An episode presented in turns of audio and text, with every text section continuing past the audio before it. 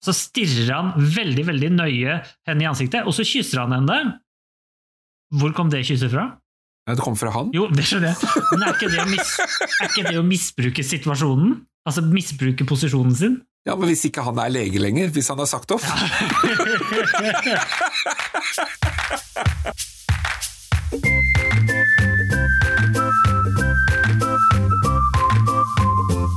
Velkommen til nok en episode her på Norsk film er. Det er episode 24, og det er her vi plukker ut en norsk film som vi snakker og nerder om.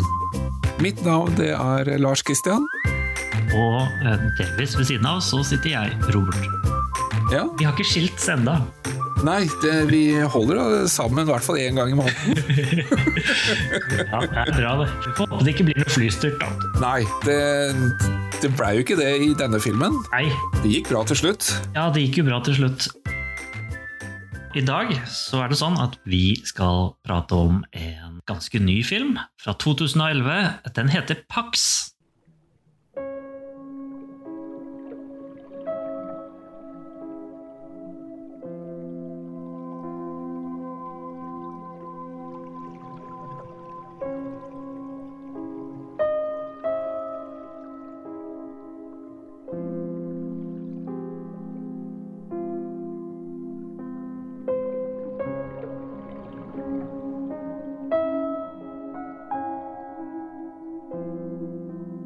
Ja, det er du som har valgt filmen.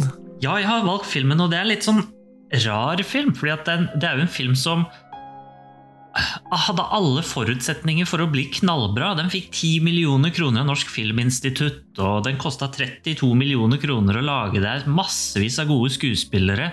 Lars Saabye Christensen har skrevet manus. Hva kan gå feil? Ja. Hvordan kommer du over den filmen? Nei, det er vel ved å I utgangspunktet så er det sånn at jeg fant den under de dårligste norske filmene. Hva folk synes. De begynte fra bunnen av og jobbet deg oppover. Ja, ikke sant? Jeg så at de lå der i bånn, og så jeg, så jeg på de neste. Så var det liksom en ny film som på en måte Den traff litt, da. Den Fikk oppmerksomhet med en gang, fordi at det var liksom Alt så ut til å være riktig med den. Så hadde jeg ikke hørt om den, egentlig. Trodde jeg, da. Og så var det likevel en film som er dårlig likt, da, generelt. Selv om noen Ja. også likte den. Litt blanda kritikk har jeg hørt, da. Ja, det er veldig blanda kritikk. Jeg hadde visstnok hørt om den på forhånd, men eh, jeg kom ikke på det når jeg valgte den. Jeg husker animasjonsscenen inne i filmen den hadde hørt om på forhånd. Og det er jo et stjernegalleri av ganske store dimensjoner når vi tenker norsk, og, og for så vidt svensk film, da, med store innslag av svensker. Ja. Vet du forresten hva Pax betyr, eh, Lars? Jeg eh, drev litt research på dette her, så jeg har notert meg ned at det kommer fra latin, Mhm. og det betyr fred. Det er helt riktig. Også veldig kjent gjennom uttrykket Pax Romana, som var da fredstiden i Romerriket. Ja, I utgangspunktet kanskje et snodig navn. Eh, Kalle filmen sin for Pax. Altså, hvorfor gå for den latinske navnet for fred? Jeg skjønner jo gjerne dette med fred, at fred er litt sånn motstykke til kanskje hva alle sitter og føler på inni denne filmen. Eh, Eller ønsker, kanskje. Alle ønsker en slags type fred. Og at filmen på en måte foregår ganske fredelig inntil det ikke er fred lenger, og så avsluttes den i fred. Men, men det er litt kunstnerisk det å gå for den latinske versjonen av navnet. Det er liksom pampete. også flyselskapet heter jo Pax, så det er jo brukt litt sånn både her og der utover i filmen. Ja, men eh, Pax er vel ikke noe ekte flyselskap? Det er et fiktivt navn som er funnet på til filmen, tenker jeg. Ja, det tror jeg. Hvorfor har du valgt filmen? Jo, det var jo sånn at eh, jeg hadde muligheten til å velge en av tre filmer. Det ene var en skikkelig knallfilm, eller velge en kortfilm, eller en film som er ansett for å være i alle fall ikke nødvendigvis en knallfilm. Og jeg gikk for det siste. En film som i alle fall er veldig omdiskutert. Jeg vil tørre å påstå at dette er den mest omdiskuterte filmen de siste 15 årene. Og Dessuten så er det noe ekstra gøy med denne filmen. Det er jo at den har fått alle øynene på terningen. Så sånn sett så burde det jo være en strålende film. Den strekker seg bredt, Ja, ikke for å si det sånn. Har du hørt noe om denne filmen eh, fra før av? I forrige episode så sa jo jeg at, eh, og vi lo litt av, at vi egentlig aldri hadde hørt om denne filmen med alle disse fantastiske skuespillerne i. Eh, Og det var litt rart. Og så, etter hvert som jeg har tenkt på det, så har det begynt å demre for meg at denne flyscenen, når motoren tar fyr, det husker jeg var en ting. Her hadde man gjort animasjon à la Hollywood og sånn type ting, ikke sant? Mm, mm. Og det husker jeg. Det må ha vært i forkant av filmen ble sluppet, for jeg kan ikke huske noe av oppstyret rundt den, noe som er litt rart, i grunn. Altså, jeg visste ikke at denne filmen eksisterte engang. Eh, og jeg har ikke hørt noen ting om den, og jeg har ikke lest noen nyheter om den. Så det viser jo litt av eh, det fotavtrykket den har satt, da. Men du så på film i 2011 du, Lars? Ja da, jeg var jo på kino på den tiden også, men jeg, eh, jeg kan ikke minnes at jeg har sett plakaten eller navnet eller lest noen ting om den. Du var ikke en av de 830 stykkene som ble fristet til å dra og se filmen i åpningshelga? Nei, definitivt ikke. Var du det? Eh, Nei, absolutt ikke. Det er en morsom ting apropos dette med seertall for Pax på kino. Talt så står det at det er 3500 personer som så den på kino. Det skal sies at 1000 av de var på forskjellige filmfestivaler. Så det var liksom ikke egentlig spesifikt knyttet til det. Og så hvis vi legger til 800 første liksom helga, så har du 1800. Det betyr at det var ca. like mange som var og så den på filmfestival og åpningshelga, som det var totalt. Og det var visstnok sju kinoer, eller noe sånt noe, i Norge hvor det ikke kom et eneste menneske. Ja, den ble vel tatt ned ganske fort. Da, Nei, jeg vil tro det. De fikk jo ti millioner tilskudd fra Norsk Filminstitutt.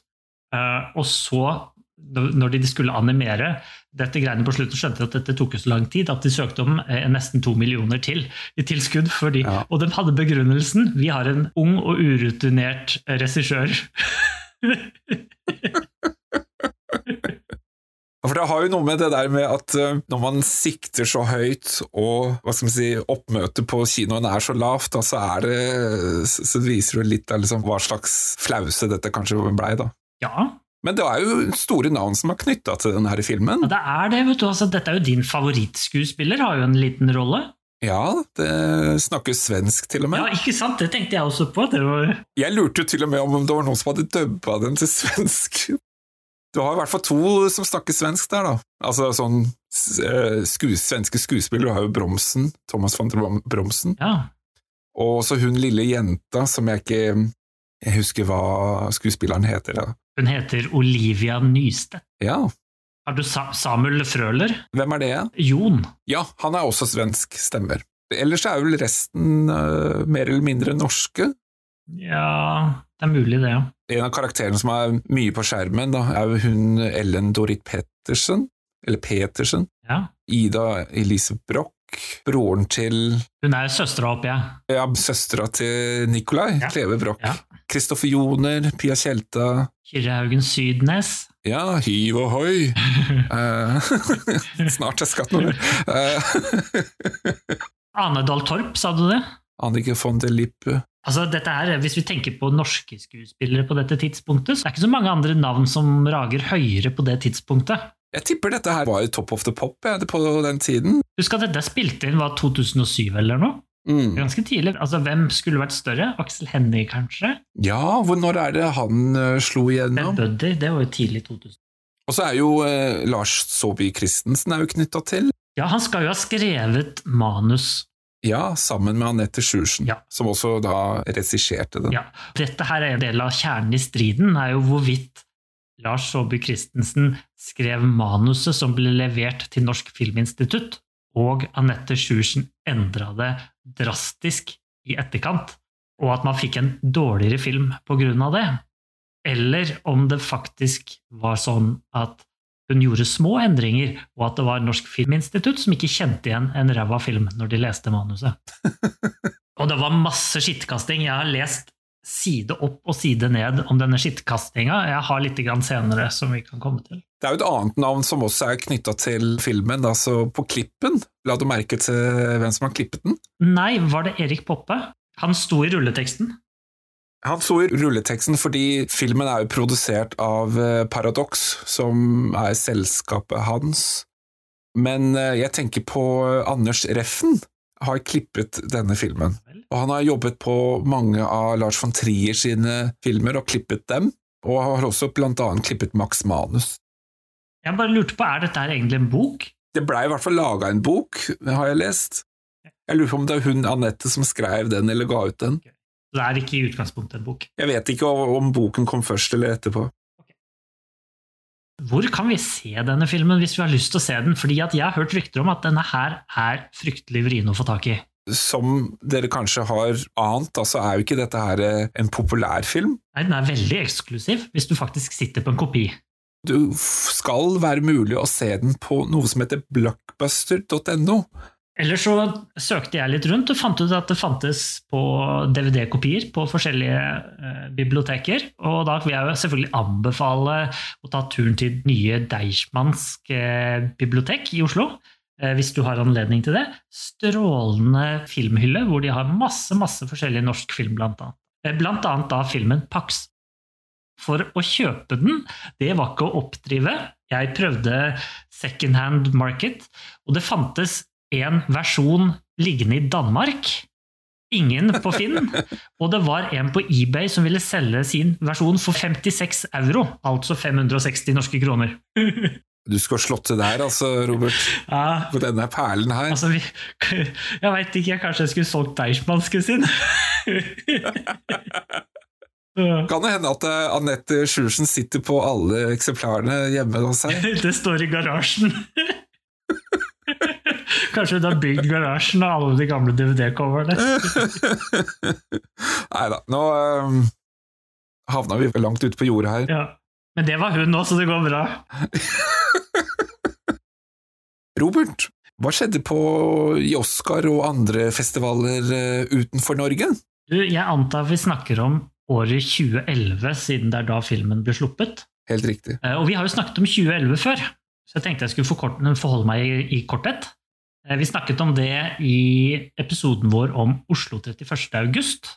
Gå tilbake og lytt på den eh, episoden. Det er en knallepisode, om jeg så må si det selv. Ja, Og knall film også. Absolutt. Kanskje det viktigste, i grunn. Jeg tror filmen er bedre enn vår episode. Ja, nå skal vi ikke trekke det for langt heller, da.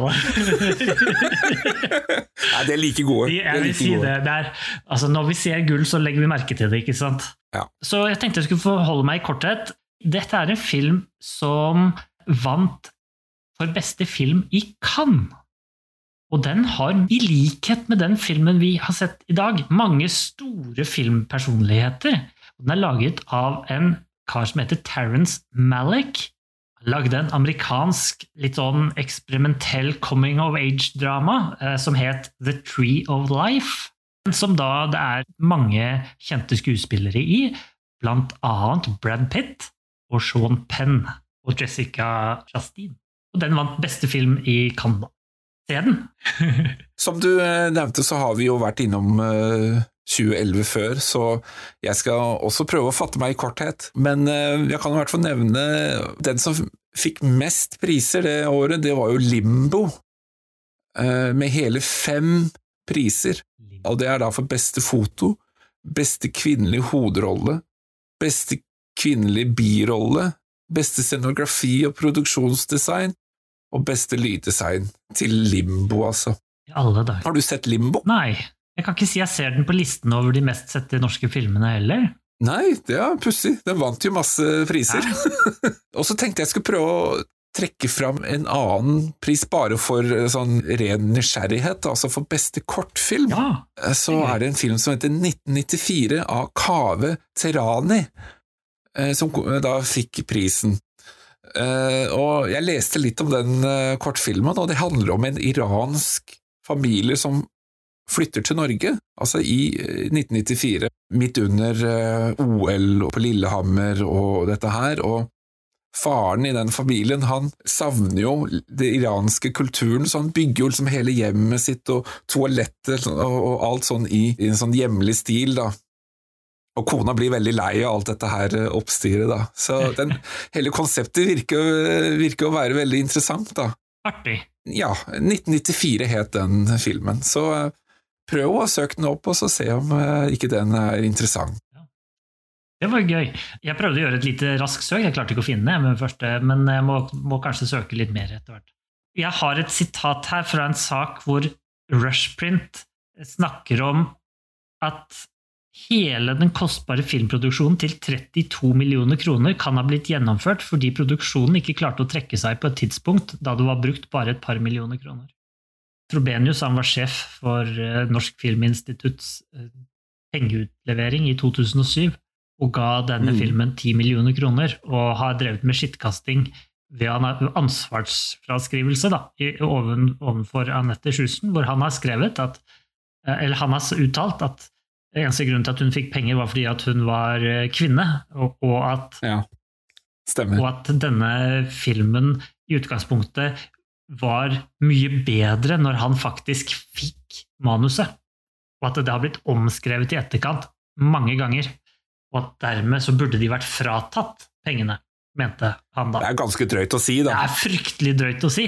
Og så, Jeg har også et svar fra Anette Sjursen selv, eh, i, som er publisert da i Rushprint, hvor hun går imot det han sier. Og sier at det ikke stemmer. Det er faktisk feil. Det er litt også hennes poeng her. Da, at det, det er jo produsenter, regissører, fotografer, klippere osv. som har sett igjennom og vært fornøyd, i grunn. Hun har jo ikke laget noen filmer i etterkant, så ja. Dette er vel siste filmen hun lager, tror jeg. Dette er cancelling culture, vet du. Ja. Nok om disse sidesprangene. Du, hvem er du egentlig? Jeg går med posten din. Roy kan masse, han. Hva da, for eksempel? Var Roy, ikke sant? Roy, ja. Typisk han å miste klokka si. Han er jævlig flink til å gå. Chris ikke som prøvde å rappe postveska mi. Joy! Er du der? Vi har fått celebert svar. Vi lagde jo en episode for lenge siden om en film laget av Petter Ness, som heter Elling. Eh, Den tror jeg du har hørt om, Lars.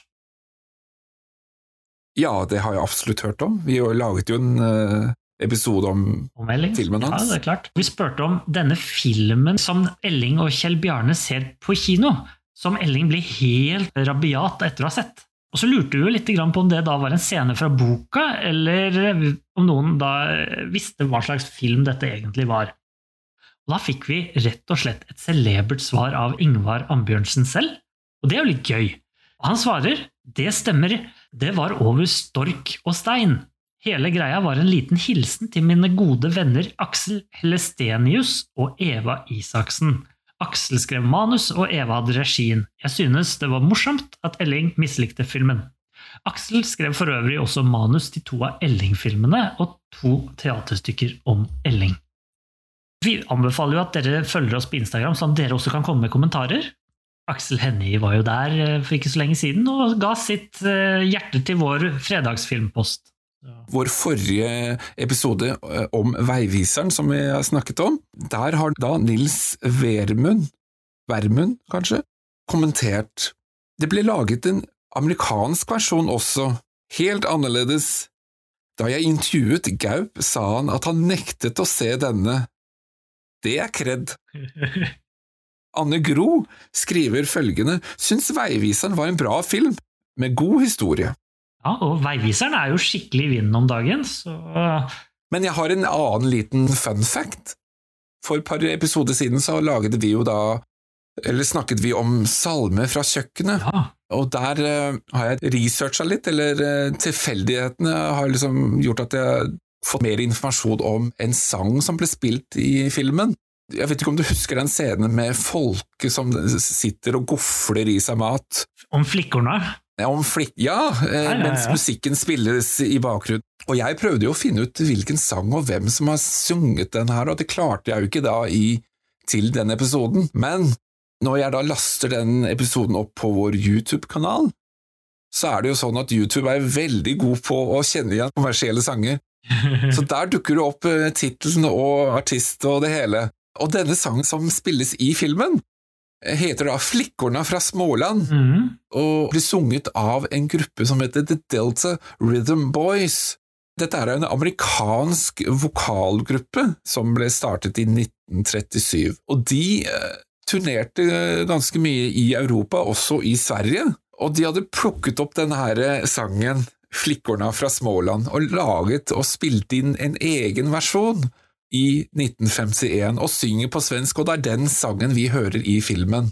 Selve sangen er egentlig skrevet eh, i 1912 av en svenske som heter Carl Williams. Jeg regner med at han er svensk. Ja, Skjønte du at det var en amerikansk gruppe som sang i i den sangen i filmen? absolutt ikke. Det er alltid litt gøy når du har artister på besøk som synger sanger på språket der de er. Ja. Lizzie husker jeg var på konsert med en gang, eh, og da sang jo hun eh, DumDum Boys, som jeg ikke husker helt feil. Sang norsk sang, i hvert fall. Jeg plukka det heller ikke opp. Jeg trodde at det var noen svenske som sang den versjonen vi hører i filmen. Jeg ser dere hvor gode vi er på svensk. ja. Nå er jeg spent. Denne filmen var det jeg som valgte. Ja. Har du valgt noen film for neste episode? Det har jeg, og jeg skal prøve å tease litt uten å si navnet. Ja, Bra, bra du minner deg selv på det. Jeg tenkte som så at de siste episodene har vi jo vært relativt nye filmer. Ja, Jeg tenkte at vi skulle gå litt lengre tilbake enn i tid, til det gode, gamle, ja, hva skal vi si, 30-tallet. Oi. Nei. Sier du det? Jo. Ja vel. og så satt jeg og tenkte litt, hva, hva skal jeg velge, og um, Ja, nå er jeg spent. Ja, uh, og, og først så tenkte jeg egentlig at jeg, jeg, tenkte, jeg hadde lyst på noe sånn krim og noe thriller, da. For det, det syns jeg kunne vært litt spennende å, å snakke om igjen. Har vi snakka om krim og thriller? Jo, det har vi jo. Hodet over vannet. Ja. Ja, også, også De dødes tjern. Ja da, selvfølgelig. Ja, ja, ja. Så jeg tenkte, hva har vi av hva vi kan velge ut? Og så fant jeg egentlig først en film som jeg hadde lyst å, å snakke om, som kom ut på 70-tallet. Men den er ikke gitt ut på DVD, den finnes ikke å oppdrive, altså den får vi liksom ikke snakket om. Så jeg eh, gikk for mitt andre alternativ, da, som er en thriller eller krim fra 1930. Og Året 1930. Nja, 30-tallet. Og så er det sånn at Guri Stormoen, som vi har vært innom eh, på en tidligere film, Ant? hun har en liten rolle i den filmen. Det er vel det jeg kan si. Jeg aner ikke hvilken film du snakker om, så det er bra. Men det skal jeg avsløre seinere. ja, det gleder jeg meg masse til. Du finner oss på sosiale medier, Facebook, Instagram og YouTube. og Legg gjerne igjen en kommentar, eller har du spørsmål eller tips til filmer som du vil at vi skal snakke om? Stikk inn der og legg igjen en eh, melding. Vi er også på Instagram, og der legger vi ut fredagsfilmtips og diverse ting, så følg oss med der også. Det hender jo det at vi legger ut storyer og sånn på Instagram, om litt sånn bak produksjonen. Da, da får du et litt sånn innblikk i hva vi egentlig gjør, og hvordan vi er klare til episoden. I dag så var jeg klar med min Pacman-kopp, og det har fått prydet mens jeg så dine notater var der, Lars. Så Ja, følg med på Instagram. Og i tillegg så er jo det sånn at Lars er veldig flink til å skrive opp alle filmer som vi eh, snakker om i løpet av episoden, og legger det til i episodenotatet, og der finner du lenker og all annen informasjon som du trenger. Da er det vel bare å starte. da er det bare å starte.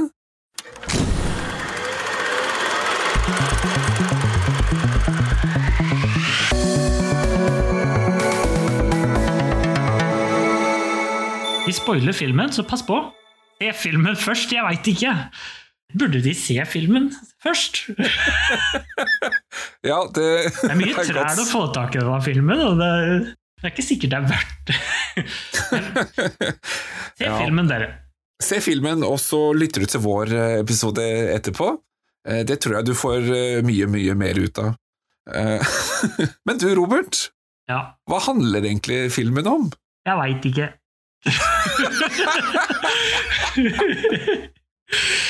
Eh, jo da, jeg, Jeg kan jo prøve å forklare det sånn halvveis. Det er en gruppe mennesker som skal ta et fly fra Stockholm til Oslo, og på denne flyturen mellom Stockholm og Oslo så eksploderer den ene motoren. Og så begynner tankene å spinne. Tanker som vi allerede har fått litt tips om allerede tidligere i filmen. Da. Det er en del par som denne filmen på mange måter handler om. Hovedpersonene er vel kanskje hun som spiller Katrine, Ellen Dorit Petersen, og da han eh, Jon, tenker du på? Ja, Jon, ja. Samuel Frøler. Jeg vil jo også si at hun Elise, altså Nodden, har jo også store deler av Det er mye skeivetid der også, men jeg Ja. føler liksom selv om de prøver å gi bakgrunnsinformasjon til begge de to damene, da, så føler jeg likevel at det er Katrine som er Ja. hovedpersonen. Dette her har vi snakket om tidligere i en film. Vi snakket om byttinger for en god stund siden. Da var det også et veldig stort persongalleri, Ja. og vanskelig å bli kjent med alle sammen. Jeg kan si at denne filmen lider litt av det samme.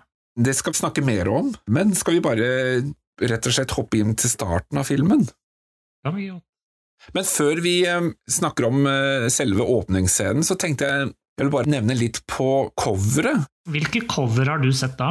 Jeg så begge to. Altså, den ene det er jo eh, litt sånn stilfullt bilde med en blå bakgrunn og en rosa sky som er formet som et hjerte, Ja, hvor da et fly flyr igjennom som en pil. Men så er det et annet cover med mørk bakgrunn. Du, du får et nært bilde av to personer, tett ansikt til ansikt sett fra siden. Ja, og det er jo Kristoffer Joner og hun Ja. flyvertinna. Ja. Bildet oser av begjær. Man får jo liksom inntrykk av at historien dreier seg om disse. Ja, det er, Hadde jeg sett filmen ut ifra det coveret, så ville jeg følt meg litt sånn villedet. ja, fordi at jeg så det, filmen ut ifra det coveret. Ja, Og det er jo Annike von der Lippe ja, eh, og Kristoffer Joner. stemmer. Eh, Men det handler jo egentlig svært lite om de to karakterene. Egentlig, men de, er, jo- de selger film, vet du. De, det er de som er de store navnene, tenker jeg. Bortsett fra Thomas von Bromsen, da. Ja. Han er stor i Sverige. Uh, uh, han er litt som grønnsakshandleren i denne ene filmen vi har, som vi snakket om. Helt unødvendig. Ulykken, ja. Helt unødvendig ja. for uh, fortellingen. Men poenget mitt er jo at det viser litt om hvordan en filmplakat kan enten villede eller hjelpe til å forstå filmen, og her føler jeg liksom den har villedet litt, i hvert fall hvis man ønsker å se filmen ut fra, fra det coveret. Ja. Det andre coveret syns jeg var mer som beskrivende i forhold til det vi så. Altså, her handler det om kjærlighet, på en måte, og man har liksom hele det ensemblet som viser alle karakterene under, da. ja, og så har du jo han Erik, da, som faktisk jobber med en hjertetransplantasjon Ja, stemmer. til eh, hun uh, Anja. Ane Dale Torp. Andal Torp, ja. Ja. Eh, Som da er hjertet fra han typen til han, hun han sitter ved siden av, eller? Fordi hjertet er jo med på flyet. ja, stemmer det. Ja. Ja. Dette er et problem. Men, men det var coveret, i hvert fall. Det er finere, det coveret, altså. Ja, jeg er enig i det, altså. Jeg tipper det var kinoplakaten, og så det andre med Kristoffer Joner og Annike von der Lippe var kanskje mer Det er hjemmemarkedet. Ja. Jeg husker jo ikke filmen, så jeg, jeg vet ikke.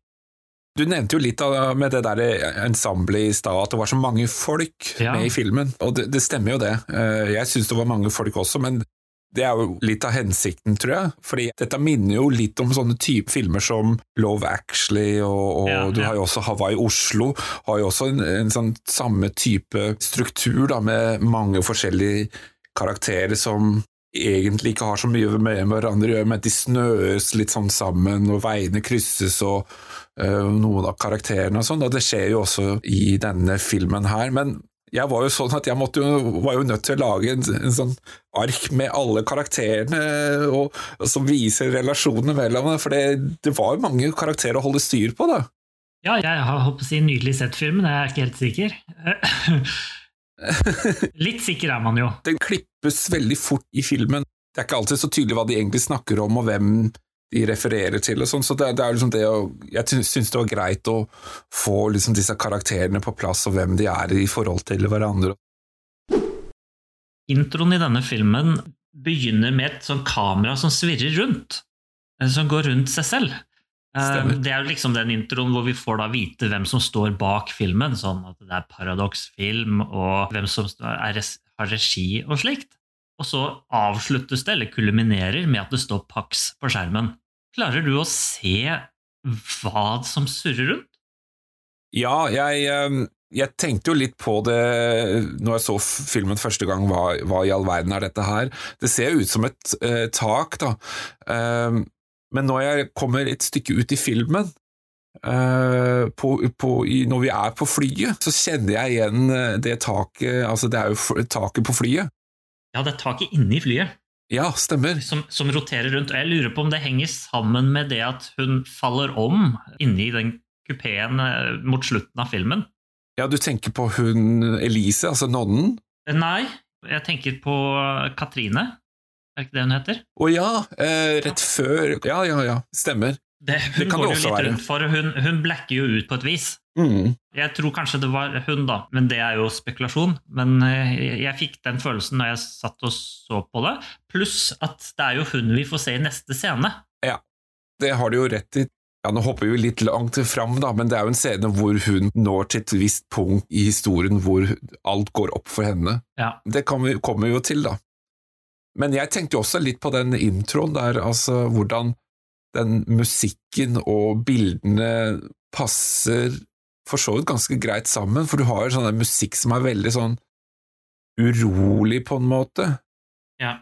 Får en sånn urolig følelse, samtidig som det der bildet roterer eh, rundt og rundt, og fokuset går liksom inn og ut. Men filmen heter jo Pax, som vi har sagt at betyr fred. Og det er jo ikke veldig fredfullt, det der med den spinningen rundt og sånn. Det gir jo Nei. mer Nei, det er jo ubehag. kontrast, det er jo en kontrast til det, da, kan man si. Og nå som vi er inne på hva Pax betyr, altså det er jo Jeg sjekka også litt opp det der, eh, at eh, Pax kan bety flere ting innenfor fly- og båtnæringen. Altså det er en slags forkortelse eller en, et ord man bruker om passasjerer. Og så er det også visstnok et eh, begrep eller ord man bruker innenfor et religiøst aspekt, altså en tavle eller religiøs figur da, satt opp mot en tavle, nærmest en sånn altertavle nesten, det kaller man også for en pax. Så det er sikkert eh, meningen at det ordet her skal kunne assosieres med, med flere ting i historien da, i filmen. Ja, ikke sant? Og det assosieres jo med de forskjellige personene i filmen. Vi har jo en nonne med i filmen, og vi har, eh, vi har masse flypassasjerer i filmen. Og vi har liksom denne kanskje litt sånn fredfulle dirigenten inn i filmen. eh, Og de andre som på en måte prøver å skaffe seg fred, på et vis. Helt enig, det er eh, alle karakterene er jo på en reise, en, en mental reise hvor de mer eller mindre kommer til et punkt da, hvor de oppnår det de ønsker. Men det kommer vi til på slutten, da er det kanskje mer relevant å snakke om det. Hadde du noe mer på introen? Eh, Nei, egentlig ikke. For da tenkte jeg, skal vi begynne med å følge én og én karakter, eller i hvert fall karakterpar, tenkte jeg. Ja, Det, det er kanskje lettest for episoden å slippe å hoppe for mye fram og tilbake, for denne filmen, her er det mye kryssklipping mellom scener og personer og gjenstander som knyttes sammen. Skal vi prøve å følge Katrine og Jon først? Ja det er vel naturlig, siden Katrine er vel hovedpersonen i filmen. Ja, i hvert fall den første delen av filmen, vil jeg si. Ja, filmen føler jeg egentlig at er ganske normal, sånn egentlig når det kommer i starten. For at det, først så presenterer den Katrine og da denne gutten, og så presenterer den egentlig de andre karakterene også, litt sånn på rekke og rad, sånn at vi får egentlig presentert alle karakterer i løpet av den første perioden av filmen. Så at eh, vi sitter her og skjønner at ok, vi skal følge en gjeng med forskjellige mennesker. Og alle disse her eh, personene som mer eller mindre kjenner hverandre, da, Ja, de har jo et eller annet felles. Det er jo det som er liksom hele poenget med filmen, tenker jeg. Ja, ikke sant? Og det, det er jo det som er også noe av kritikken mot filmen, er at det, det virker for usannsynlig at alle disse med de samme type skjebnene eh, har knyttet seg sammen og tilfeldigvis sitter inne i dette flyet samtidig som skal styrte. Ja, ja. Eller går i stykker, da. Vi møter jo først Katrine, som eh, Ser du hvem hun ligner på? Hvem hun ligner på? Hun ligner vel på seg selv? Ja, Hun ligner på Kirsten Dunst fra Spiderman-filmene på tidlig 2000-tallet. Oh, ja. Scenene her, Hun er klin, eh, ikke klin lik, da, selvfølgelig, men altså, hun er jo ganske lik da, når hun ligger der i badekaret og liksom har vått hår og sånn. Hvis vi kan sammenligne med hvordan da Kirsten Dunst så ut når hun Ja, hadde ja, veldig vått hår i Spiderman-filmen der i, den, i 2001. Så du venter bare at Spiderman dukka opp i scenen? Ja, jeg tenkte det. Og så viste det seg at det antageligvis er sånn Colosseum Spa eller noe sånt isteden. Ja, for hun ligger i hvert fall i et sånt glassbadekar ja. ute på en terrasse. Du nevnte at dette kunne jo vært et sånt spa, eller er det hjemme hos noen, eller eh? ja, du, tingen er at det er jo hjemme hos Katrine og Jon, antagelig, dette her. Men jeg bare så i rulleteksten at Colosseum Spa dukket opp i rulleteksten. så derfor akkurat. tipper jeg at det faktisk er Colosseum Spa.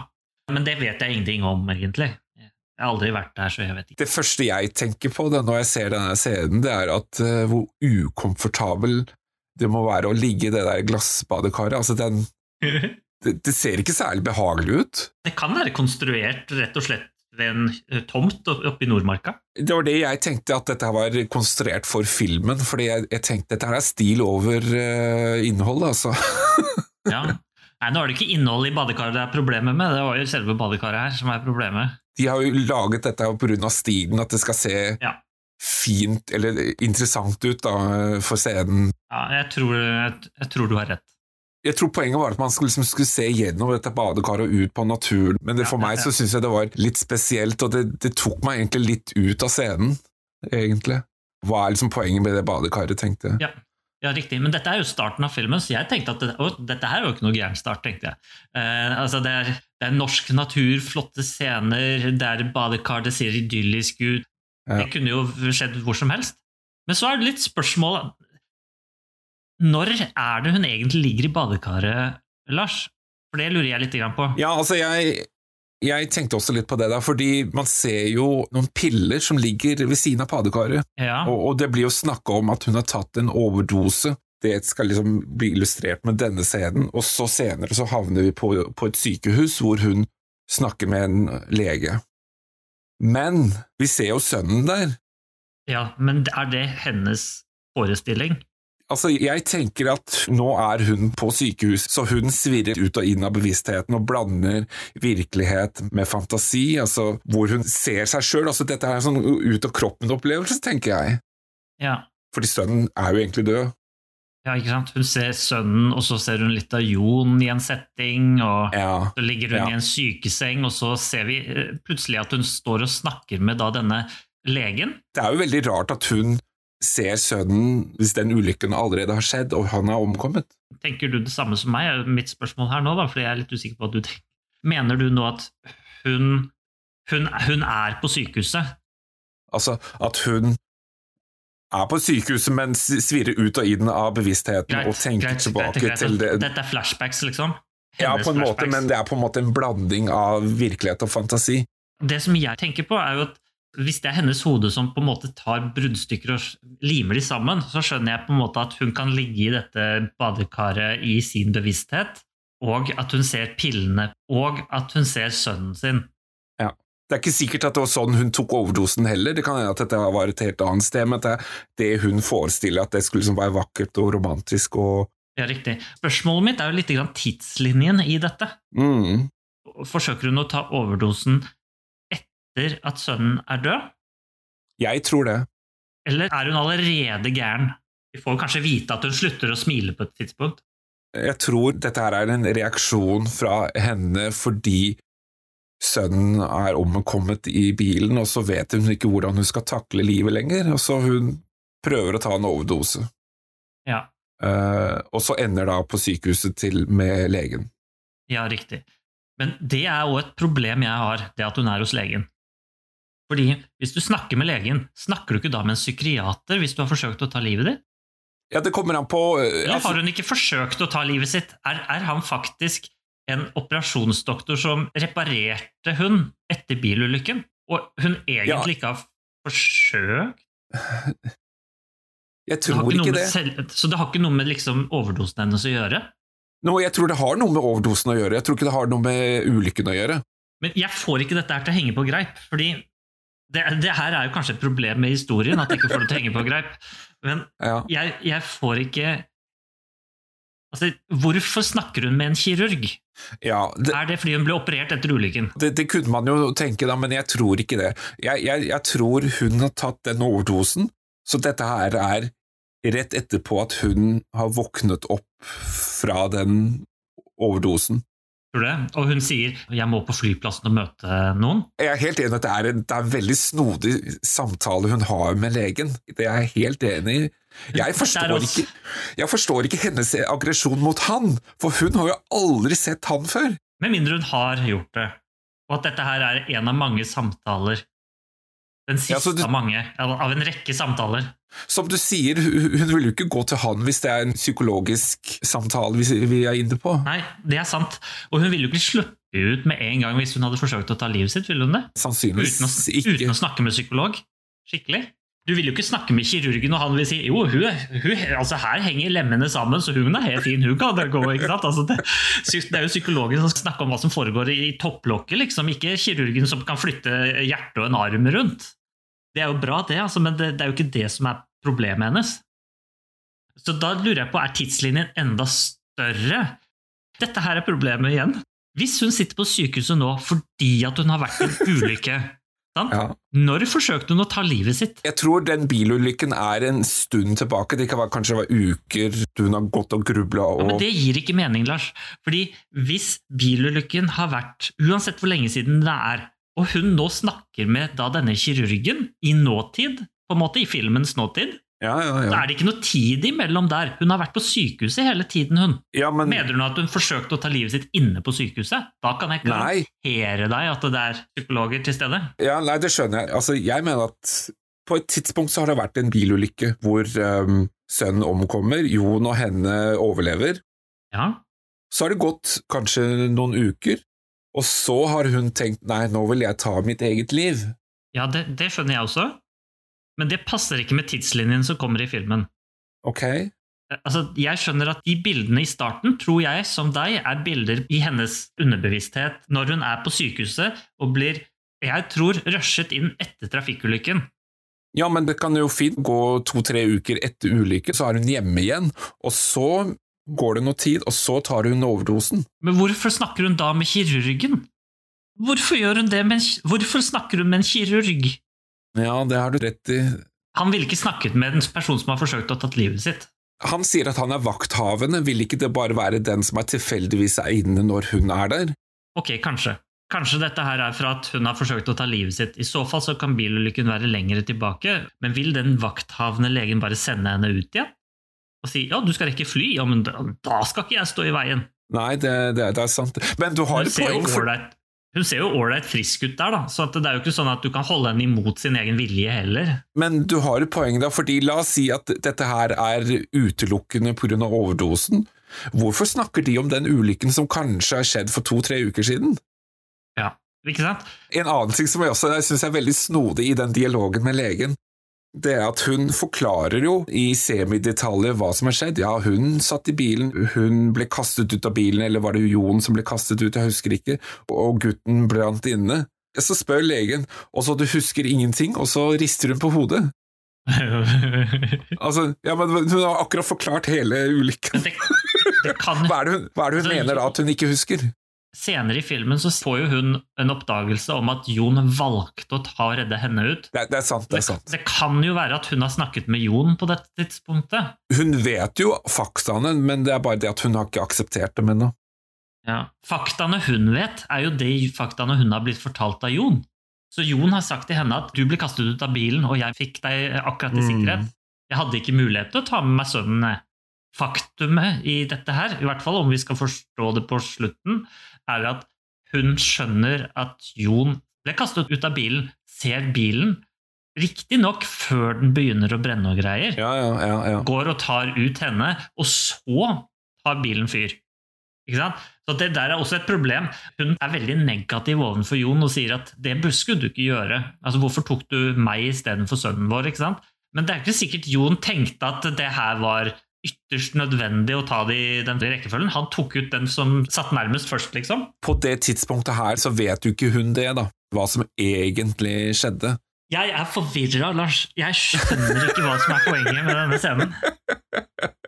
Jeg må innrømme at jeg ble veldig forvirret hvor, hvorfor han legen er der, sett i lys av hvilken situasjon hun er i. Filmen bruker fire minutter. Den bruker 5 Nei, den bruker mer. Den bruker 10% av filmen sin på å fortelle oss denne ulykken, eller dette, denne samtalen. Og hva i all verden er det de forteller oss? Ingenting! Det er, det er en krøkkete, snodig dialog. Altså, Det vi får ut av den, er at hun øh, prøver å ta sitt eget liv. Det er egentlig det essensielle i, i scenen. Riktig. Men det som også er litt snodig, da, fordi hun blir jo løftet opp av det der i glassbadekaret. Vi har jo sett sønnen som er ganske liten i bakgrunnen. Ja. Den personen som løfter, det er ikke sønnen, men han er kledd i samme klær som sønnen. Ok, Så problemet ditt er at eh, sønnen redder henne? Fra Nei, problemet er jo at uh, vi, vi ser at det er en voksenperson som løfter henne. Hvem er voksenpersonen? Nei, men Det er jo bare fordi hun er for tung. Så det skal være sønnen som løfter henne ut? For det er det vi ser seinere i, i filmen. Men han er jo altfor liten til å løfte henne. Jo, jo, men, men er ikke dette her i forestillingen hennes? Jo, altså det, det er det jeg også Det eneste jeg kan forklare, det er jo at dette er en fantasiscene hvor hun tenker at det var sønnen som reddet henne. Fra overdosen? Ja, Det må jeg bare si at eh, Rent bortsett fra at historien ikke henger på greip og jeg ikke skjønner noen ting, så ser det veldig fint ut. ja da. Ja, ikke sant? Og det er veldig virkningsfullt, dette med at hun ligger der i dette badekaret og sklir ned i badekaret, og vi boomes på en måte nedover i badekaret og ser utover fjorden ut i det fredfulle verden. Altså, dette gir litt sånn Pax-stemning. At dette er fredfullt. Fredfullt kanskje forsøk Ja å ta sitt eget liv, eller et eller annet sånt. Jeg syns bare scenen er veldig cheesy, altså. Ja, men det ser fint ut. Det ser fint ut, og jeg tror som du sier, det er meningen at dette skal være en sånn romantisering av, av hennes forestilling, da. Ja, Men jeg har et nytt problem, for vi skal bare følge disse to nå. Ja. Da har jeg et nytt spørsmål. Den personen du skal møte på den flyplassen, er jo Jon. Ja, det sier hun jo. Men hva i all verden foregår når de er på flyplassen? Jon flyr jo rundt der som en sånn derre paparazzi-fotograf. Og driver med sånne hva, creepshots av noe slag. Altså, så driver og tar bilder av alle folka rundt seg og Hallo? Hei. Er du her, eller sitter du fast en eller annen plass? Fin klänning. Alltid tyckt att du passar bäst i vitt. Men du, solbriller. Du vet vad jag tycker om folk som har på sig dem inomhus. Räkna till hundra så kommer jag. Nej.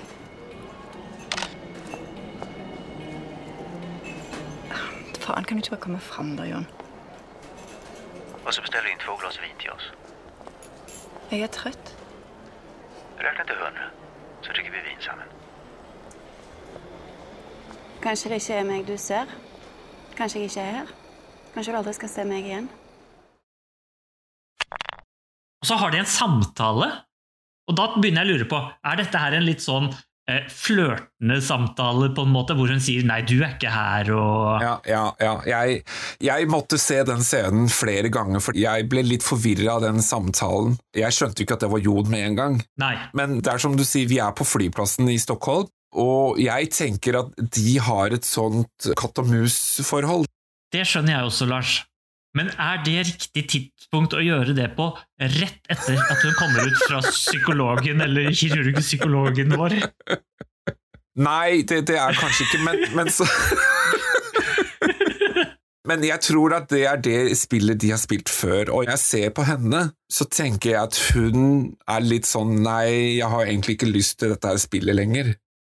Du merker jo det på samtalen hennes, at hun er litt sånn Unnvikende, på en måte. unnvikende, en sånn blanding av å spille kostbar og prøver å avvise han, som egentlig nesten er det samme. For han skjønner jo ikke forskjellen på det. Han, han er sånn som spiller det samme spillet, og ja, skal vi bestille vin og drikke sammen, og så videre. Han er liksom fortsatt inne i det der spillet. Han tror at hun spiller kostbar.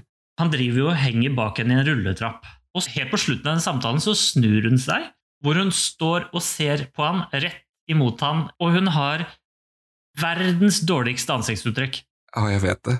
Hun har det samme ansiktsuttrykket som Kirsten Dunst. Et ansiktsuttrykk Hva i all Ja. verden er dette her for noe tullball?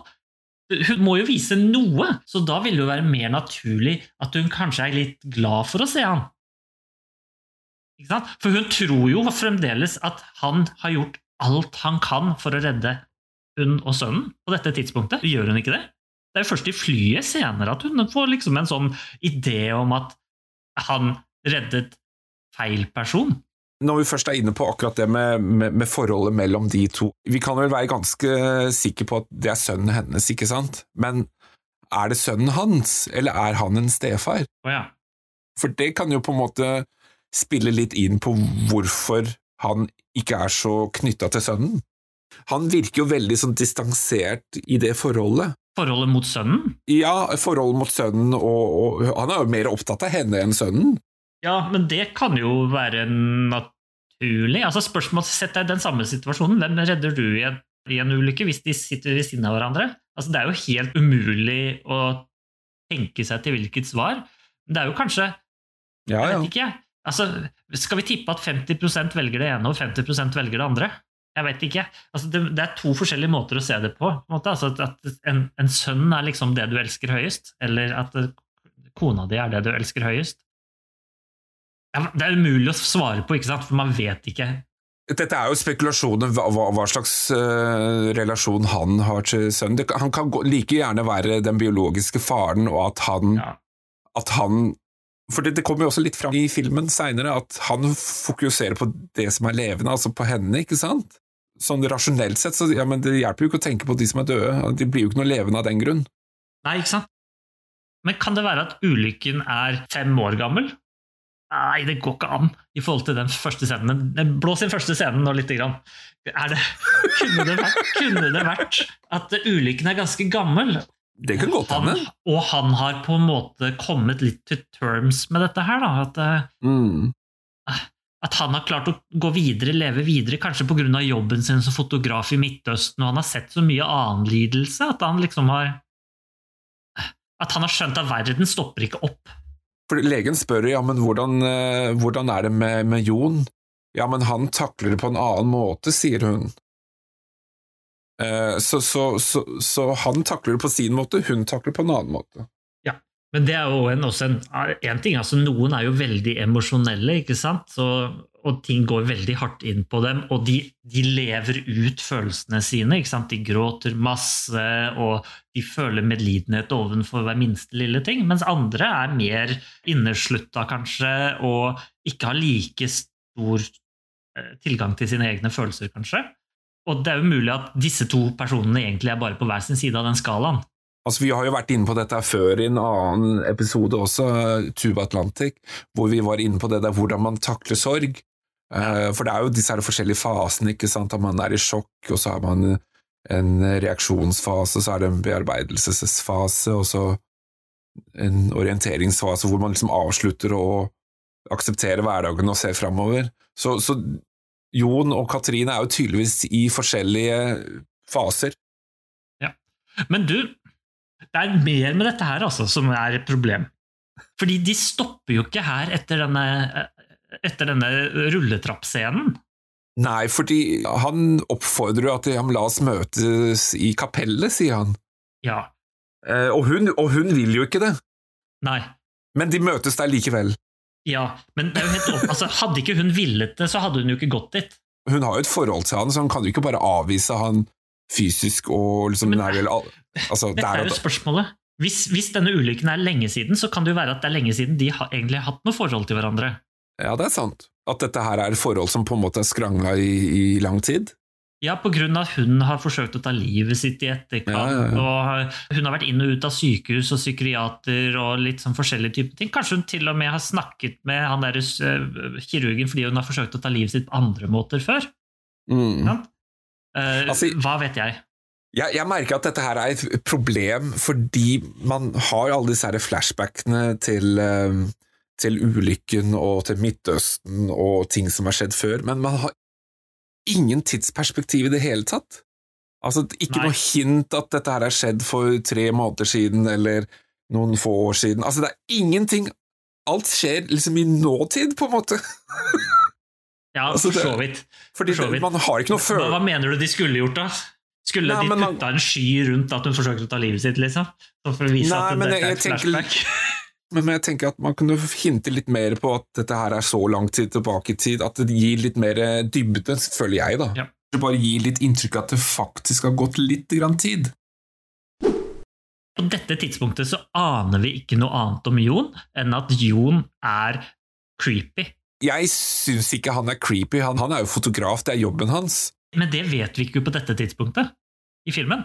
Altså, hvis, Når han har stått i Nei. rulletrappa og tatt bilder og sånn, så virker jo han eh, creepy, egentlig. Vi skjønner jo at de må ha et eller annet form for forhold, og hvis vi klarer Ja. å sette disse flashbackene Hvis vi klarer å plassere litt ulne flashback-bilder av han og forstå at liksom, dette er samme personer, eh, så skjønner vi at ok, de har et form for forhold eller har hatt Men han kan jo være stalkeren hennes.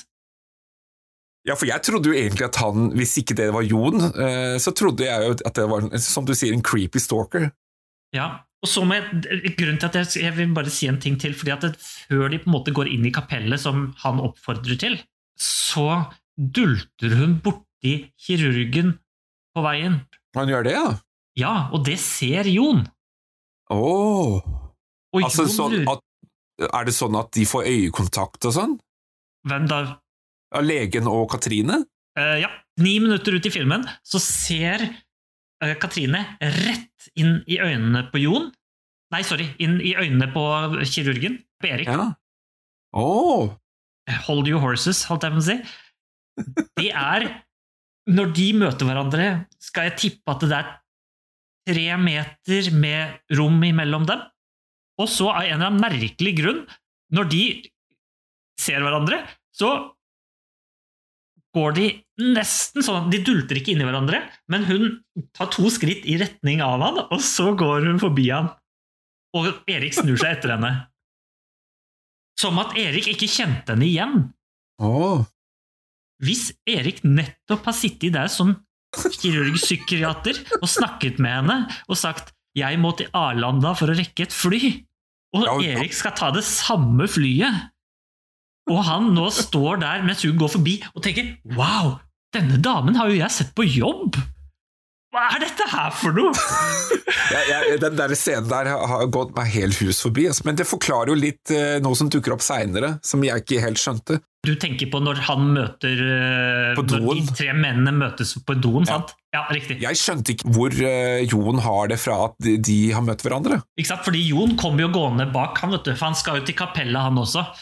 Men bare for å skyte inn en liten tanke om han creepy fotografen, fordi jeg har jo drevet med foto sjøl, og jeg flyr jo rundt og tar bilder av alt mulig. For, for meg så er det jo naturlig at man tar bilder av blomster og stoler og, Du har jo lov til å ta bilder av personer i det offentlige. Det var bare mitt utgangspunkt, så jeg tenkte ikke at, på at han var creepy. Men jeg ser jo det når du sier det, at han oppfører seg litt creepy med den svære linsa, liksom. Ja, det er, det er det jeg tenkte litt på også. Altså, Hvem andre enn liksom fuglefotografer tar, bruker en sånn linse? Ikke sant? Altså, det er jo Sportsfotografer. det er sportsfotograf, og så er det fuglefotograf, og så er det han derre gærningen i nabohuset ikke sant? som tar og ser på nabodama. Altså, Som har stjernekikkert og, eh, Ja, ikke og hele pakka.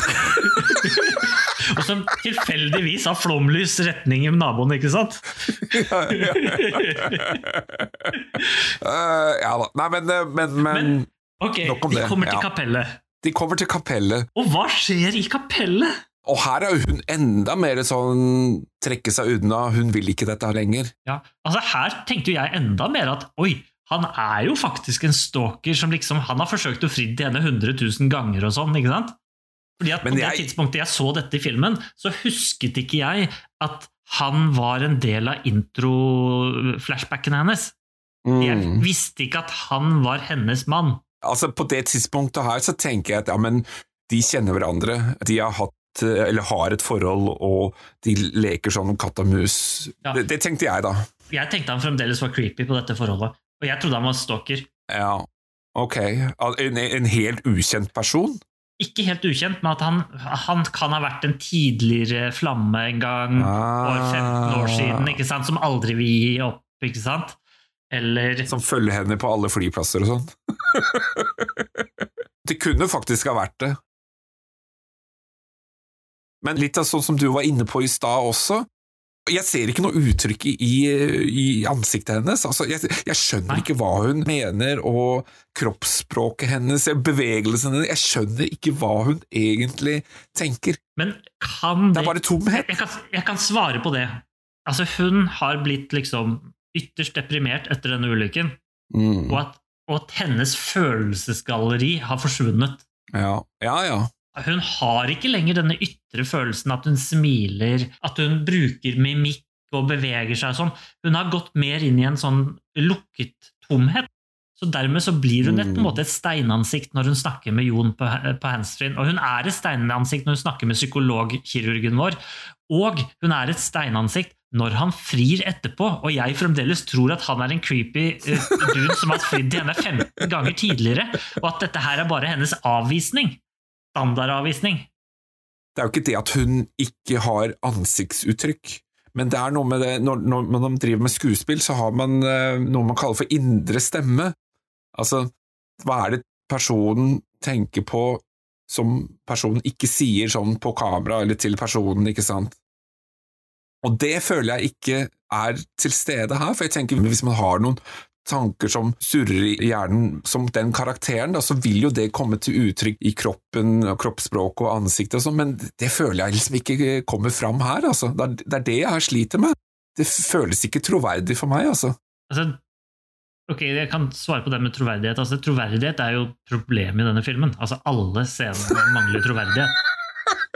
Ja, det, jeg er ikke enig i at alle scenene mangler okay. troverdighet, men jeg er enig i at, Ja, at det er mange mange scener scener. som sliter jeg med. Ja, Vi kommer til flyet etter hvert. Der har jeg problemer. ok, ja, ja, ja. Ok, men uansett. Uh, altså, når Jon frir, Ja, så føler jeg kanskje at jeg ser i alle fall en eller annen forferdelse i hennes øyne. ja hvorfor det? Fordi at hun tenker Hvordan i all verden kan du fri til meg nå? Men dette her er problemet med denne filmen, fordi det kommer vi til når vi ser de andre personene etter hvert. Alt skjer med én gang. Mm. Alle scenene er kjempekorte, og det skal skje enormt mye inni dem. Vi skal snakke med en psykolog, vi skal få hele hennes mentale problem, vi skal få hele hennes fysiske problem eh, plassert, og så får vi ingenting. Vi skal se da denne Jon som skal virke litt sånn skummelaktig, kanskje litt sånn Vi er litt usikre på hvem han egentlig er. Og så møtes de i kapellet. Skal det at han sier 'la oss møtes i kapellet', skal det være et hint til at han skal fri til henne? For det virker helt ut av det blå at han plutselig nå skal fri til henne med en gang hun kommer ut av psykisk sykehus. Det er jeg faktisk helt enig i. Det, skjer så mange ting her som jeg ikke helt skjønner motivasjonen til. Det kommer helt ut av den blå luften. Altså Som du sier, altså, hvorfor skal han plutselig fri til henne nå? Ja, og det var da jeg tenkte åh, dette er stalker, vet du. Ikke sant? Dette her, han har gjort dette her 50 ganger før. Han har, han har fridd henne liksom, han fridde til henne opp i rulletrappa, nede i, nede i gangen og ute på parkeringa. ikke sant? Ja. Han har prøvd mange ganger. Akkurat det der problemet har jeg også, for når hun sitter på flyet, og han ikke sitter i setet sitt, så tar hun kameraet opp og skal begynne å snope kameraet. Hvorfor gjør hun plutselig det? Det kommer sånn helt ut av det blå Men altså, det er jo ikke noe motivasjon til Altså, han har jo ikke gjort noe gærent, så, ikke da vi har sett, i hvert fall. Så hvorfor skal hun begynne å snoke og, og, og være mistenkelig overfor Jon? Jeg skjønner ikke hvorfor ting skjer. Ja, Det tar jo lang, lang, lang tid i denne korte filmen før vi får vite at han faktisk tar bilder i Midtøsten. Ja, det er sant. Når hun begynner å se, For dette er jo poenget ditt, tror jeg. For når hun begynner å se på kameraet hans, så ser han jo, hun jo de første bildene, og det er jo bildet av en dame Ja, som ser ja, ja. veldig sånn erotisk mot ham. Hadde hun hatt en anelse at han var utro, eller hadde gjort noe eller sagt et eller annet, eller flørta med andre damer eller noe sånt i denne her filmen, så ville jeg forstått at hun var mistenkelig, men det er jo ingenting i filmen som tilsier at hun skal være mistenkelig overfor han. Nei, men dette her kan jo være Altså, hun er bare mistenksom av natur. Kan jo være at det er disse flashbackene som skal prøve å få oss til å tro at hun nå begynner å huske mer ting om Jon, og dermed vil sjekke dette kameraet. Mm. Ja, jeg vet ikke, jeg, jeg syns bare det var veldig snodig. Jeg, ja, jeg, har, jeg har problemer med det der. Men Mm. la oss snakke om flyet litt senere, fordi at uh, Vi er fortsatt i kapellet, Ja, ok, eller er vi ferdig med den? altså jeg, jeg, jeg føler liksom at Jeg vet ikke. Kapellscenen er jo over på kort, kort tid. altså Et par minutter så er det liksom, har det skjedd et frieri, og hun har eh, ikke avvist frieriet, men hun har ikke liksom sagt ja. Og så her- plutselig, og da skal Jon på do. Dette har jo også problemet med filmen, at den klipper ekstremt mye mellom scener og personer. Altså Som du sier, det, det skjer ting veldig kjapt. Du får ikke tid til å fordøye scenene og karakterene. Altså, det er jo nesten ikke rom for karakterutvikling her. Ja, og dette her er helt fint hvis du liksom heter Michael Bay og lager Transformers eller noe sånt. Ja. At du har en super action-sekvens hvor det er masse klipping i alle Ja. retninger, og det skaper masse Men dette her er ikke en actionfilm. Men det er jo ingen action her! Alt sammen som foregår her, skal jo foregå for å bygge disse karakterene opp, sånn at vi skal forstå og få jeg vet ikke, medlidenhet for Jon. Og Ja. medlidenhet for Katrine, kanskje. Og medlidenhet for Erik. Jeg veit ikke hva vi skal tenke om Erik. Det er dette her jeg sliter litt med, fordi når du ser filmen sånn som den er klippet, så, så, så er det mange sånne der tilfeldige øyeblikk, og du følger den personen, og så går det en tid, så kommer vi tilbake til disse her personene, ikke sant? Når, når vi følger disse to personene kun da, gjennom hele filmen, så virker det bare som det er oppstykkede scener som ikke henger sammen, nesten. Ja. Og sånn føler jeg det, det er nesten ved hver karakter. Men det blir jo verre for alle de andre. Ja, det gjør jo det. Etter kapellet da, så, så er vi jo i den loungen som du var så vidt inne på, hvor Jon skal på do. Ja, og dette her er jo tingen at før dette skjer, så har vi, blitt, har vi jo møtt da disse eh, Da har vi jo møtt Erik flere ganger, ikke sant? Ja, nå er vi jo et lite stykke ut i filmen, faktisk. Ja, vi er ganske langt ute i filmen her, ja. Dette er jo hvor de faktisk border flyet, det er rett før. Ja, riktig. Så står de der, tre karer, og, og tisser. Jeg skjønner ikke den scenen her. Erik og en ukjent, og så står det Ja. en og barberer seg, som da er Kristoffer Kristoffer Joner. Det er Kristoffer Joners karakter som heter så mye som Peter. Og Åh, for Ja. Ja, fordi det, det, jeg, jeg, skjønte ikke hvorfor Jon var så aggressiv mot legen. Han kjenner jo ikke legen. Nei, det har jeg prøvd å forklare, ikke sant? Ja, ja, jeg skjønte jo litt i stad når eh, Katrine og Erik faktisk møttes før kapellet. Jeg savner at det kanskje hadde vært litt mer sånn der eh, forførende blikk og sånn, ja, men er det noe mellom de to? Og så plukker Jon dette her opp og konfronterer han det på dass, men, men det er jo ikke noe sånt i det hele tatt. Hvor, det hvor, får Jon, hvor får Jon alt dette her ideene sine fra? Nei, Man spør jo hvor i all verden kjenner du henne fra? Ja, men så må han ha en mistanke. Hvor kommer den mistanken fra? Han må ha en mistanke om at hun har noe med han å gjøre. Han gjør jo det ganske enkelt for oss, fordi at han sier jo alle mulighetene Erik kan være. Ja, ja, ja. ja. Du kan være en lege eller prest, eller du kan være psykolog, eller du kan være elsker. sant? ja. Og så svarer jo Erik ganske enkelt at eh, En elsker har ikke taushetsplikt, ja, ikke sant? så det må være en av de andre. Ja, ikke sant? Det er faktisk ganske smart sagt. Det er veldig smart sagt, men Men det er en keitete scene. Det er det er det. en keitete scene. Men jeg vil prøve å forklare noe. Fordi jeg tenker at Jon har gått bak her med sitt kamera drevet og tatt bilde, og har sett i kamera blikket deres. Når de møtte hverandre, når de krysset hverandre. Nå prøver jeg å lage en sånn full med, med hendene Ah, okay, mine, ja, men det kan ikke du se. Men når de går, når hun går, når hun går retning kapellet Skatt video. ja, det er det vi skulle. Vi skulle streame det live. Eh, når, når Erik går mot hva enn han går mot, eh, som vi ikke har noen anelse av, og har helt åpenbart et blikk Jeg tror han har fått det blikket på kamera og tenker her er det noe. Og han er litt sånn bekymra, fordi at han ønsker nok helt sikkert å få tilbake denne damen som han en gang var gift med. ikke sant? Ja, ja. ja, ja, ja. Eller han har vært så glad i. Kanskje han er det fremdeles. ikke sant? Det er jo det jeg tror. ikke sant? At han han egentlig fremdeles er glad i denne damen som var før hun ble deprimert. Ikke sant? Altså, det er den ja, hun det- vil ha tilbake. ja. Det må jo finnes en, eh, en extended edition av dette som viser alt dette her vi snakker om, altså som vi ikke får med oss. Tenker jeg.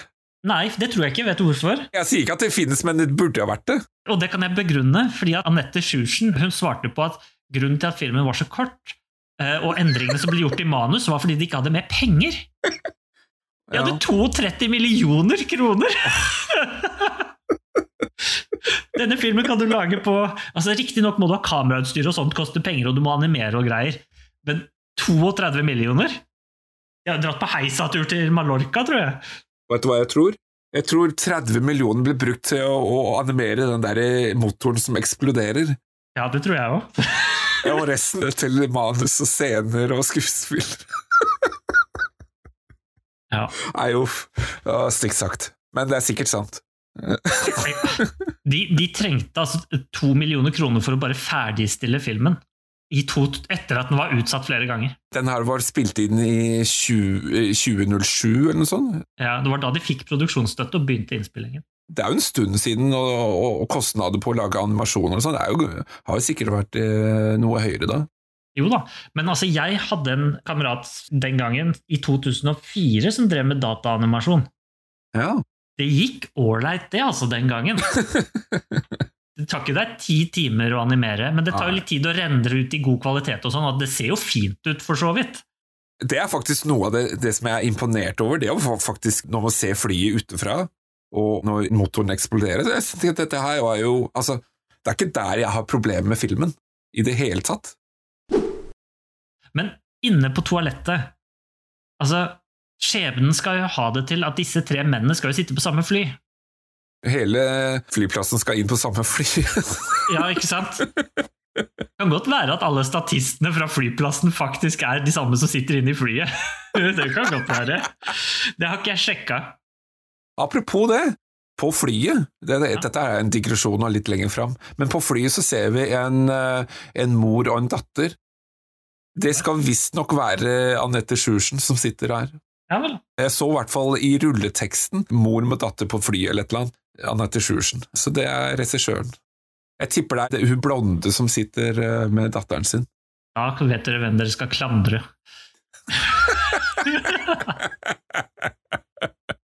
Men Ja. jeg blir ikke helt ferdig med den toalettscenen. ja. Fordi Erik er jo ganske naturlig her. Han er jo litt unnvikende mot det, for han har sikkert vært i en tilsvarende sjalu ektemann-scene tidligere, altså som i jobben hans. Mhm. Hvorfor i all verden stopper Jon da? Hvis han er den sjalu ektemannen, hvorfor bare tenkte han ok, og så tenker han å ja, da er han lege eller kirurg, da, da er det greit. Eller prest. Men vet du hvorfor Jon vet at han er lege? Nei. Det er fordi den andre karakteren som barberer seg, altså Kristoffer Jone, han kutter seg, og så går jo Erik bort og liksom Ja, se her, du skal bruke noen papir og klemme på eh, Ja, ja, riktig. Det kunne hvem som helst ha visst. Alle vet jo at du skal klemme på det såret du har kutta opp. Ja. Er du ikke enig i det? Jo, jo, jeg er helt enig i det. Likevel, altså Jon ser jo ikke ut som han liksom forsto at han var lege likevel, altså sånn 100 sikkerhet. Han, han ser litt underfundig ut, da.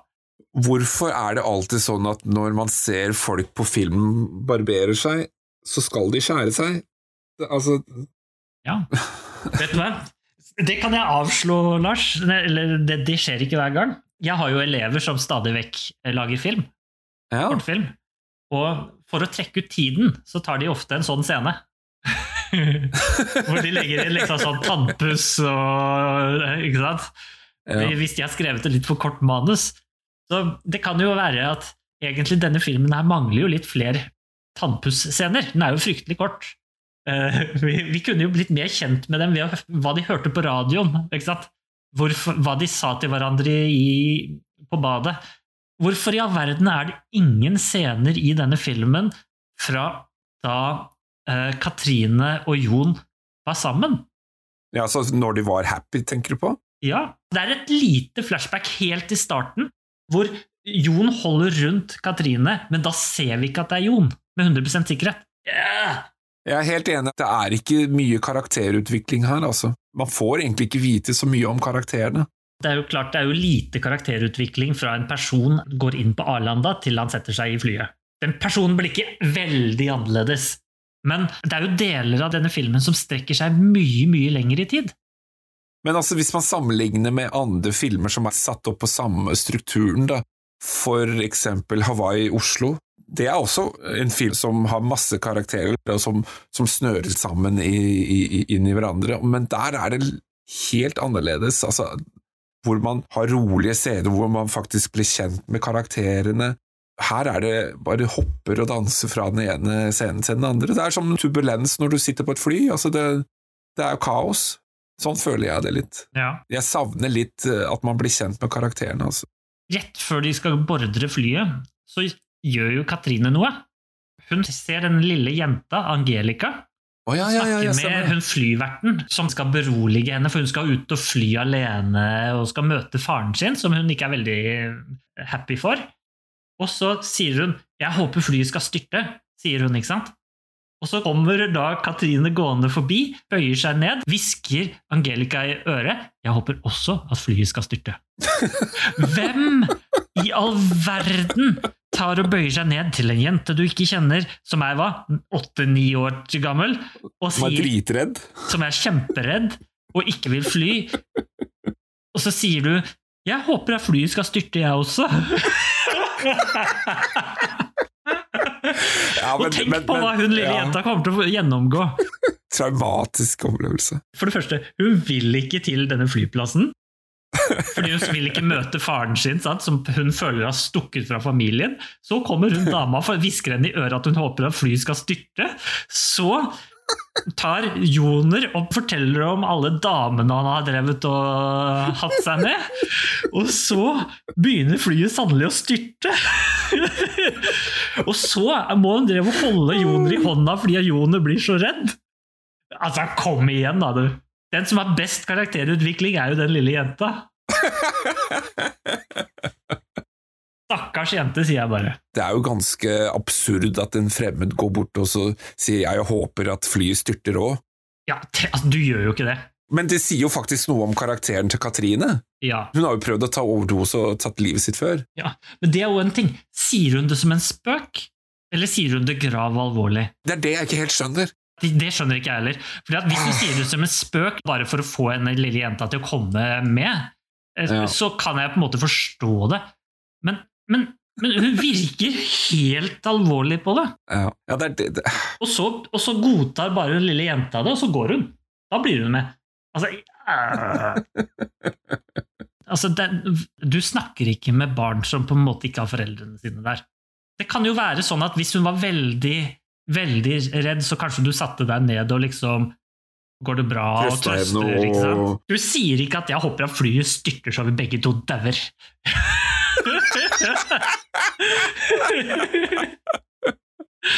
Ai, jeg veit ikke. Lars. Skal vi snakke om to andre personer? Skal vi snakke om Angelica? det er ikke så mye mer å si om henne. Hun er jo den andre personen som vi blir presentert for, er hun ikke det? Moren er jo spilt av Pia Tjelta.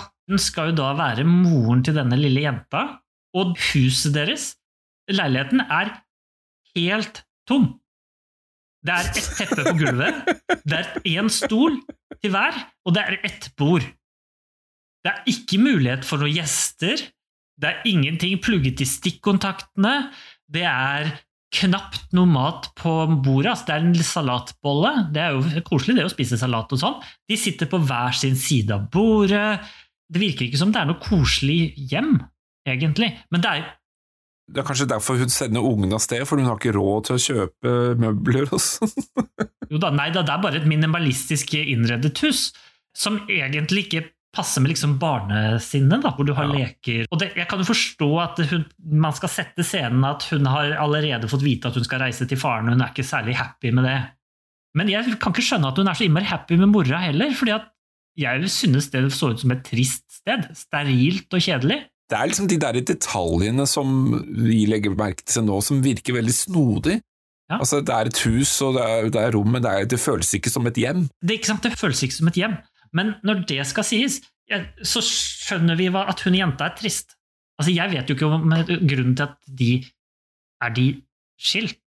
Altså, Jeg vil tippe de er skilt. Jeg vil tippe de er skilt, og, og moren, den svenske moren, bor i, eh, Stockholm? i Stockholm, og faren i Oslo. Og, og ungen pendler liksom mellom de to foreldrene, Ja, tenker men jeg da. tror, det tror ikke jeg. Oh. Fordi jeg tror at faren også er i Stockholm. hæ? Fordi at faren er jo danser eller sanger Ja. for han derre svenske duden. Det kan godt Ja, ja. være at han bor i Norge, altså, for alt jeg veit, men, men, men, ja, men, ja, men poenget mitt er at grunnen til at han er der, er jo fordi at han skal danse eller synge på operataket ja. Med denne svenske dirigenten. Mener du at faren bor i Stockholm? Eh, Kanskje Men hvorfor skal hun dra til Oslo da? for å se faren opptre. Ja, Hvorfor kunne ikke faren tatt med henne, da? Ok, Det er jo kanskje derfor hun føler at han Ok, jeg tror at Ok, greit. Jeg, jeg gjør det kanskje litt ekstra komplisert. Men Det kan godt hende at du er rett, men, men jeg bare var nysgjerrig på hvorfor du mente at han bodde i Stockholm. Jeg bare tenkte at eh, dirigenten er svensk, og da tenkte jeg at musikerne ja, var ja, sånn og at måten, han ja. var også svensk, at dette var en svensk Mm. ting som reiste til Norge for å gjøre en innspilling på, eller noe greier, konsert på Operataket. Og hun er jo den eneste tilhøreren. Og da virker hun veldig fornøyd, by the way. Ja. Men det kan jo være fordi at flyet holdt på å styrte og sånn, at hun var glad for å overleve. og Angelica blir jo sittende på flyet ved siden av han Kristoffer Joner. Peter. Stakkars jente. Må leve Mm. med den der ungkar og spellemannen der som er Som snakker om sin beste kjæreste var whiskyen og sånn. Det er sånn der rar scene, liksom, ja, som du sier, at han legger ut om all dritten sin, om at han er møter masse damer og popper piller og, Ja. og for, for den der lille jenta. Ja, nei, det, sånn skal du ikke holde på, ikke sant? Og Altså, jeg skjønner at han er en, en, en sånn problematisk karakter, men Ja. ja, jeg vet Men ikke. Eh, hvordan men Hun møter jo ikke noe hyggelige mennesker. Moren virker, moren virker avstumpa. På, på slutten så møter hun jo faktisk mannen, altså faren sin. Og jeg må jo innrømme at det, det virker å være det eneste positive forholdet. Og han skal jo i utgangspunktet ikke være noe positivt forhold, fordi det er jo grunnen til at hun ikke vil dra dit i utgangspunktet. Men det er jo klart, han kommer jo på flyplassen fordi han har jo hørt at flyet har hatt problemer, så han kommer jo der for å møte henne Vet du hva? Vet du hva? Åh, vet du hva? Dette er første gang i denne filmen hvor noen smiler av glede. Og det er faren som ser henne komme ned, og da smiler hun og løper imot ham. Men vet du hva? Jeg synes likevel dette kanskje er det beste Altså, Det er jo det eneste fredfulle forholdet. Det er jo det etter at flyet har landet og hun løper imot faren. mm.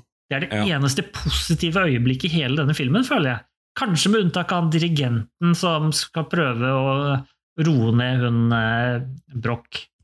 Men, men det er det som jeg syns er så vanskelig å forstå, fordi vi får liksom inntrykk av at det er et eller annet som ikke stemmer med faren, eller det er et eller annet forferdelig der, eller et eller Ja. annet. Altså, uansett hva hun tenker, da. Men når hun kommer dit, så er jo alt i skjønneste orden. Ja, og hun sitter der og er helt åpenbart synes Hun smiler og er kjempefornøyd når hun ser på prøven til konserten. Hvis man da tenker seg at eh, hun reiser mellom faren og moren, da, Ja. er det sånn at hun eh, tenker det hele tiden? Altså når hun skal reise fra faren og, og til moren, da, så, så, så vil hun ikke dra til moren, og det er helt forferdelig og, og er grinete og sånn, og så når hun kommer til moren, så er liksom alt eh, happy og fint, akkurat på samme måte som hun kommer til faren? Er det, er det sånn Altså, jeg har én teori. Filmen heter Pax. Ja, Kan det være at hun skjønner at han ikke har forlatt henne? ja. ja. At hun bare trodde han hadde forlatt dem ved at han hadde kanskje vært i Oslo lenge for å øve med disse musikerne, kanskje et halvt år? Men er det kun fordi hun møter han? Altså, det er jo ikke skjedd noe som gjør at ting har forandret seg. Jeg tror ikke han er voldelig eller noe, nei. Nei, men jeg tenker jo at flyturen, eller flyselskapet Pax, da er liksom den der katalysatoren som gjør at det er jo et eller annet som skjer med alle karakterene, men det skjer jo ingenting med henne. Hun bare reiser, og så Angelica. Ja. Hun går jo fra å være hun negativ overfor faren Ja, ja til å men, bli men, positiv. men hun snakker jo nesten ikke med folk. Altså, Det skjer jo ikke noe med henne som karakter, sånn som det gjør med de andre Ja, karakterene. Jo, jo, jo, jo, jo. Jeg vil si at det skjer mer med hun som karakter enn de andre. Hva er det som skjer med hva, hva, Når flyet holder på å styrte, og Kristoffer Joner tar og ringer, så rekker hun ut hånda si til han for at han skal roe seg ned. Hun som håpte at flyet skulle styrte og var liksom grinete og trass og sånn, viser at hun har en form for menneskelighet, barnlig liksom hjelpeevne. Og, og det her er på en måte det som på en måte kommer fram når hun da går ut av flyet og helt åpenbart ser faren etter en ganske lang periode. da. Det kan jo også være grunnen til at hun tar med denne snøkula til faren, fordi at det er lenge siden de har sett hverandre. Men hva er det som går opp for henne som gjør at hun har en helt annen oppfattelse når hun går ut av flyet? Poenget mitt er at de andre karakterene, de det er jo en viss interaksjoner mellom de andre karakterene, eller gjenstander, ikke sant. Nonnene har jo dette bildet som flyr liksom mellom eh, legen og Ikke sant. Det er ting som skjer med de andre karakterene som vi ser på skjermen. Men jeg, jeg føler ikke at det er så mye som skjer med den lille jenta, som tilsier at hun skal ha den der veldig store forandringen fra hun går på flyet og fra hun stiger av flyet. Tenk på all den dritten hun hører i, den, i løpet av den turen. Tenk at hun må sitte der altså Én ting er hva vi ser i filmen at Peter sier til henne, men tenk på hva han har sagt som vi ikke får vite. ikke sant? Men hva er det som gjør at hun får fred, eller får forsont med seg selv? Jeg tror det er så enkelt som at barnesinnet er litt enkelt. Og hun er jo òg glad for å ha overlevd. Altså, hun ville jo ikke dø. Husk det at hvis faren har vært borte et halvt år, på turné eller noe, og hun er elleve, da er et halvt år bra lenge. Jeg føler kanskje du kunne ha viet noen scener og dialoger til å få litt mer dybde i, i denne karakteren og alle, og alle andre karakterer også. Det er helt riktig. For det er en relativt kort film. Det Én time og elleve minutter eller noe sånt. altså, det er inklusiv eh, rulletekst. Rulleteksten og introen, ja. Så det er drøy en time. Ja, ja, ja. Det er nesten kortfilm. Det er på grensen til å være kortfilm. Men hei, jeg har svaret på akkurat dette her. Hvorfor vi ikke får kjenne henne noe mer. Dette er sitat fra da Anette Schusten, som da er eh, regissør av filmen. Jeg visste faktisk ikke engang at det var mulig å bli fratatt en støtte. Men uansett, er det noe denne filmen ikke er, så er det veldig annerledes enn det den var i manuset som fikk støtte.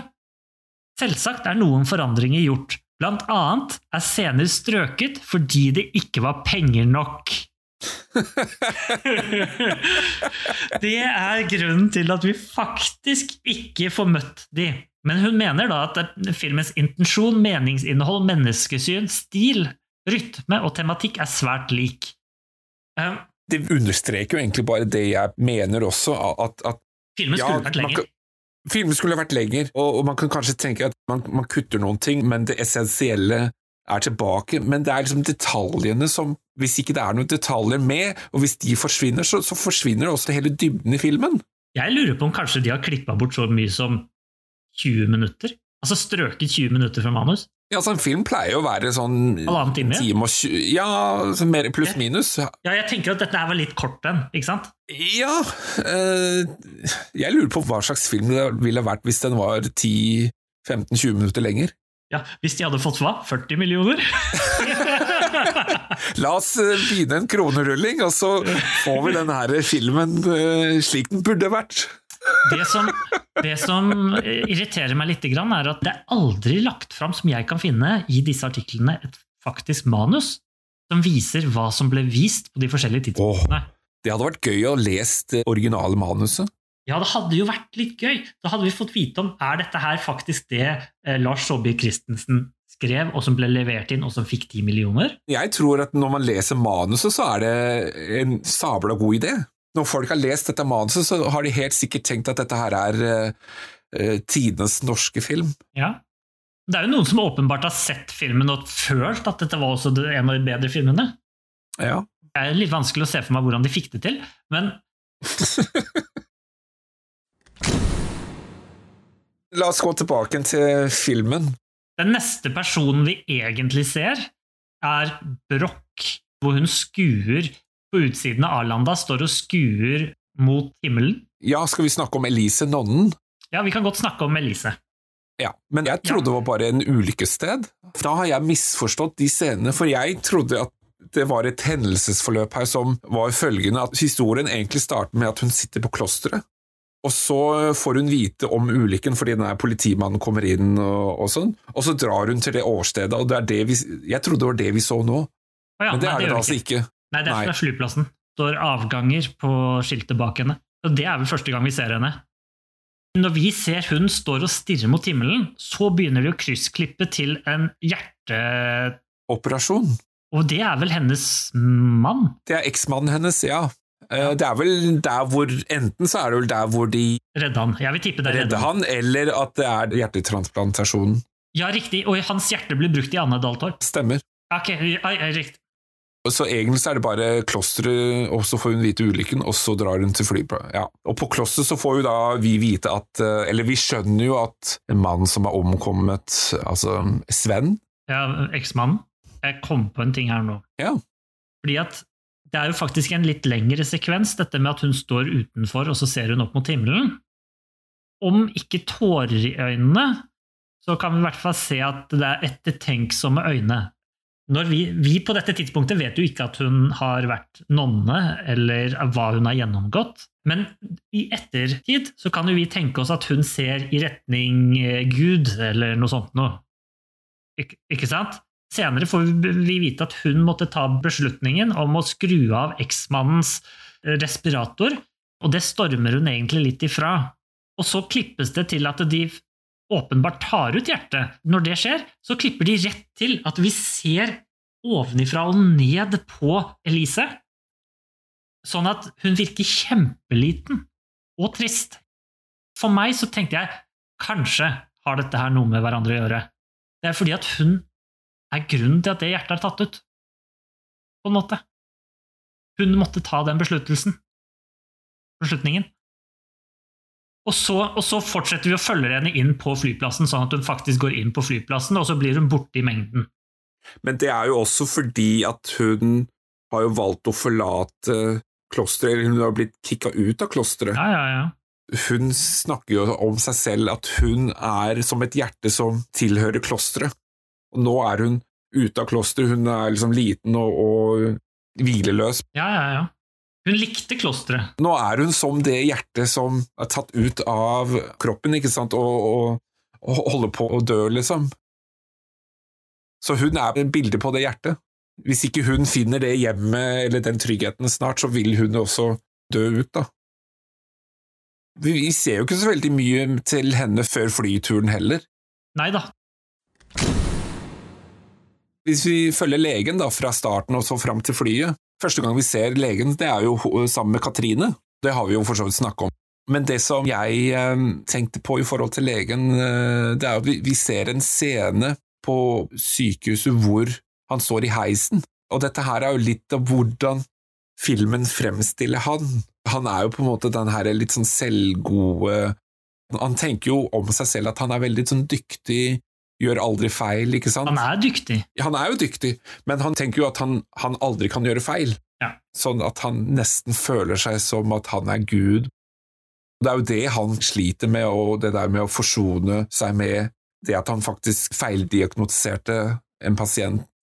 Han er jo kanskje egentlig den personen som vi får vite mest om i de samtalene han har med, med pasientene, med, med sine kolleger, og også Elise seinere, da.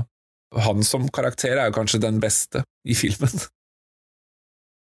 Det er vel egentlig hans egen avgjørelse at han trekker seg fra, fra sykehuset og drar til Oslo. Nei, ok, trekker han seg helt? Ja, det, det vet jeg jo ikke. Det er jeg litt usikker på. Jeg tror ikke det, at, jeg tror ikke det er eh, at han skal gjøre det. Er ikke det innlysende at han ser at dette her er en så stor feil som ikke han kan leve med, så han trekker seg fra, fra sykehuset og, og drar hjem? Er det ikke det som er liksom hele store, hans personlige konflikt? Jo, kanskje. det, det blir kanskje ikke sagt sånn uh, bokstavelig sett, men, men jeg, jeg leser liksom mellom linjene at, at han på en måte Nei, nå kan ikke han være lege lenger, fordi han er ikke feilfri. Uh, hvis møter legen hvor han sitter ettertenksomt i sin egen stue. Det er før han sitter i heisen. Der går, står i heisen med hun dama. Mm, mm. Er det Det må være etter at operasjonen har gått galt. Ja. Men jeg vet ikke om det er når han er tilbake i Norge. Det kjører en blå leddbuss forbi, det tror jeg er svensk. ja, så hvis det er før flyturen, så er det vel i, fortsatt i Stockholm? Jo, men det kan jo være frempek, på en måte. Det kunne det jo. Ah, ja, ja. Men jeg tror det er i Stockholm. Han sitter helt åpenbart og dveler over da denne feilen han gjorde. ja. Men jeg, jeg tror ikke han sier at han sier opp. Det er litt som at han, Nei, at han tar Nei, pause, liksom. men han har i hvert fall store problemer med å, det å kunne være lege. Om han fortsatt kan være lege og være er kirurger, og et menneske som gjør feil. Susann og Peter Vi har snakket om Peter Nei, vent litt, det er faktisk kapellet er første gang vi ser han, er det? Ja, jo, jo. Vi ser jo kapellet hvor Susann Susann sitter og ber eller sier et eller annet, Ja, hun ber jo Fader vår. og så kommer han jo snikende inn. Og hun har jo tydeligvis flyskrekk, da, som flyvertinne. Det er jo egentlig litt sånn morsomt. Og helt usannsynlig. Hun kan jo selvfølgelig ha fått det, da. Det er jo ikke usannsynlig at man kan få det etter at man har blitt ansatt og sånn. Jeg ser ikke det som noe problematisk eller usannsynlig. Men ville du ikke da sagt opp? Ja, jeg vil ikke gå på jobb med flyskrekk. Du kan ikke være pilot og tenke 'nei, dette kan ikke jeg gjøre'. Har du lest eh, P3s anmeldelse, eller Birger Vestmos anmeldelse av eh, filmen Pax? Nei. Han starter med å referere til denne scenen. Hva sier de? Jeg skal summere det. Mm. Tidlig i Pax ser vi to vilt fremmede. Hun spør på en mystisk måte om han vet hvor mange muttere det er i et fly. En helt naturlig innledning til enhver samtale. Han vet ikke. Hun sier 10.365. De diskuterer dette i noen sekunder, så har de sex. I et flyplasskapell med glassvegger. Og der settes troverdighetsstandarden for resten av filmen.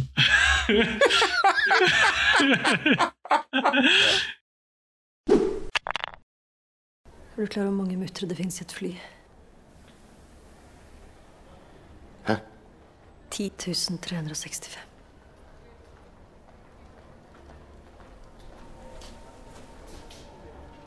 365. Ja, det er jo en del.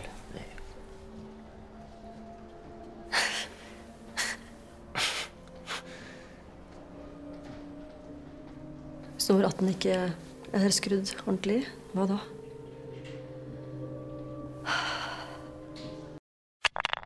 Da kom jeg på noe. Kjenner de ikke hverandre fra før av? Nei. Jeg trodde at de kjente hverandre. Hvorfor kom han inn dit? Han var jo litt redd for å fly, da. Ja, Jeg vet ikke. Han ville ha en litt ettertenksom stund, en stille stund. Han flyr jo aleine, han er jo en litt sånn rar type, ikke sant? Kanskje han er en sånn type som liksom går til steder hvor han finner eh, damer som sitter alene og er, er trist. ja. ja han er jo en sånn eh, rundbrenner. Ja, ikke sant? Og her er det en enkel mulighet, ikke sant? Kanskje. Men Montage, de skrev også om denne scenen. og de skrev da følgende at det er mye som skal fortelles i løpet av 75 minutter i Pax. Cut to the chase bør ikke være noe som styrer den dramaturgiske prinsippene i, i hver bidige scene i en dramafilm. Et eksempel. En kvinne en flyvertinne skal det vise seg. Hvorfor hun ikke er kledd i uniform da hun ankommer flyplassen, det vites ikke. Spilles av Anniken von der Lippe, sitter i flyplasskapellet. Hun er svært urolig, ber Fader vår. En fremmed mann, spilt av Kristoffer Joner, kommer inn. Er du klar over hvor mange muttere det finnes i et fly, spør hun. Nei, svarer han. 10.365, sier hun. Hva hvis nummer 18 ikke er skrudd ordentlig i? Ja. Eh, Han sier noen trøstens ord, får henne til å le, tar hånden eh, hennes i sin, kysser den, de ser på hverandre, munnene møtes, setter seg, seg umiddelbart over skrevet på fanget hans, skjørtet glir opp, buksa ned, de har sex i et kapell med store panoramavinduer ut mot gateområdet. Hele scenen, fra begynnelse til slutt, varer i tre Jeg føler det er Altså- fantastisk. Det er akkurat det jeg tenkte på også. Hvorfor i all verden kommer de inn? Altså, Én ting er jo at sex i et kapell det høres kanskje litt sånn kinky ut for noen, men dette er midt inne på flyplassen! De er jo tydeligvis ikke blyge, noen av dem, da.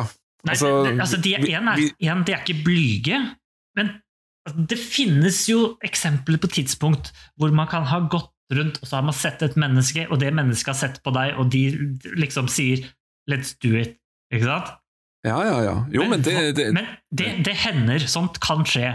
Men hva er sannsynligheten for at det skjer midt i flyplassområdet? På et kapell hvor som alle kan Alle Se kan se inn i. Alle som skal ta dette flyet. Flyet var jo stappfullt!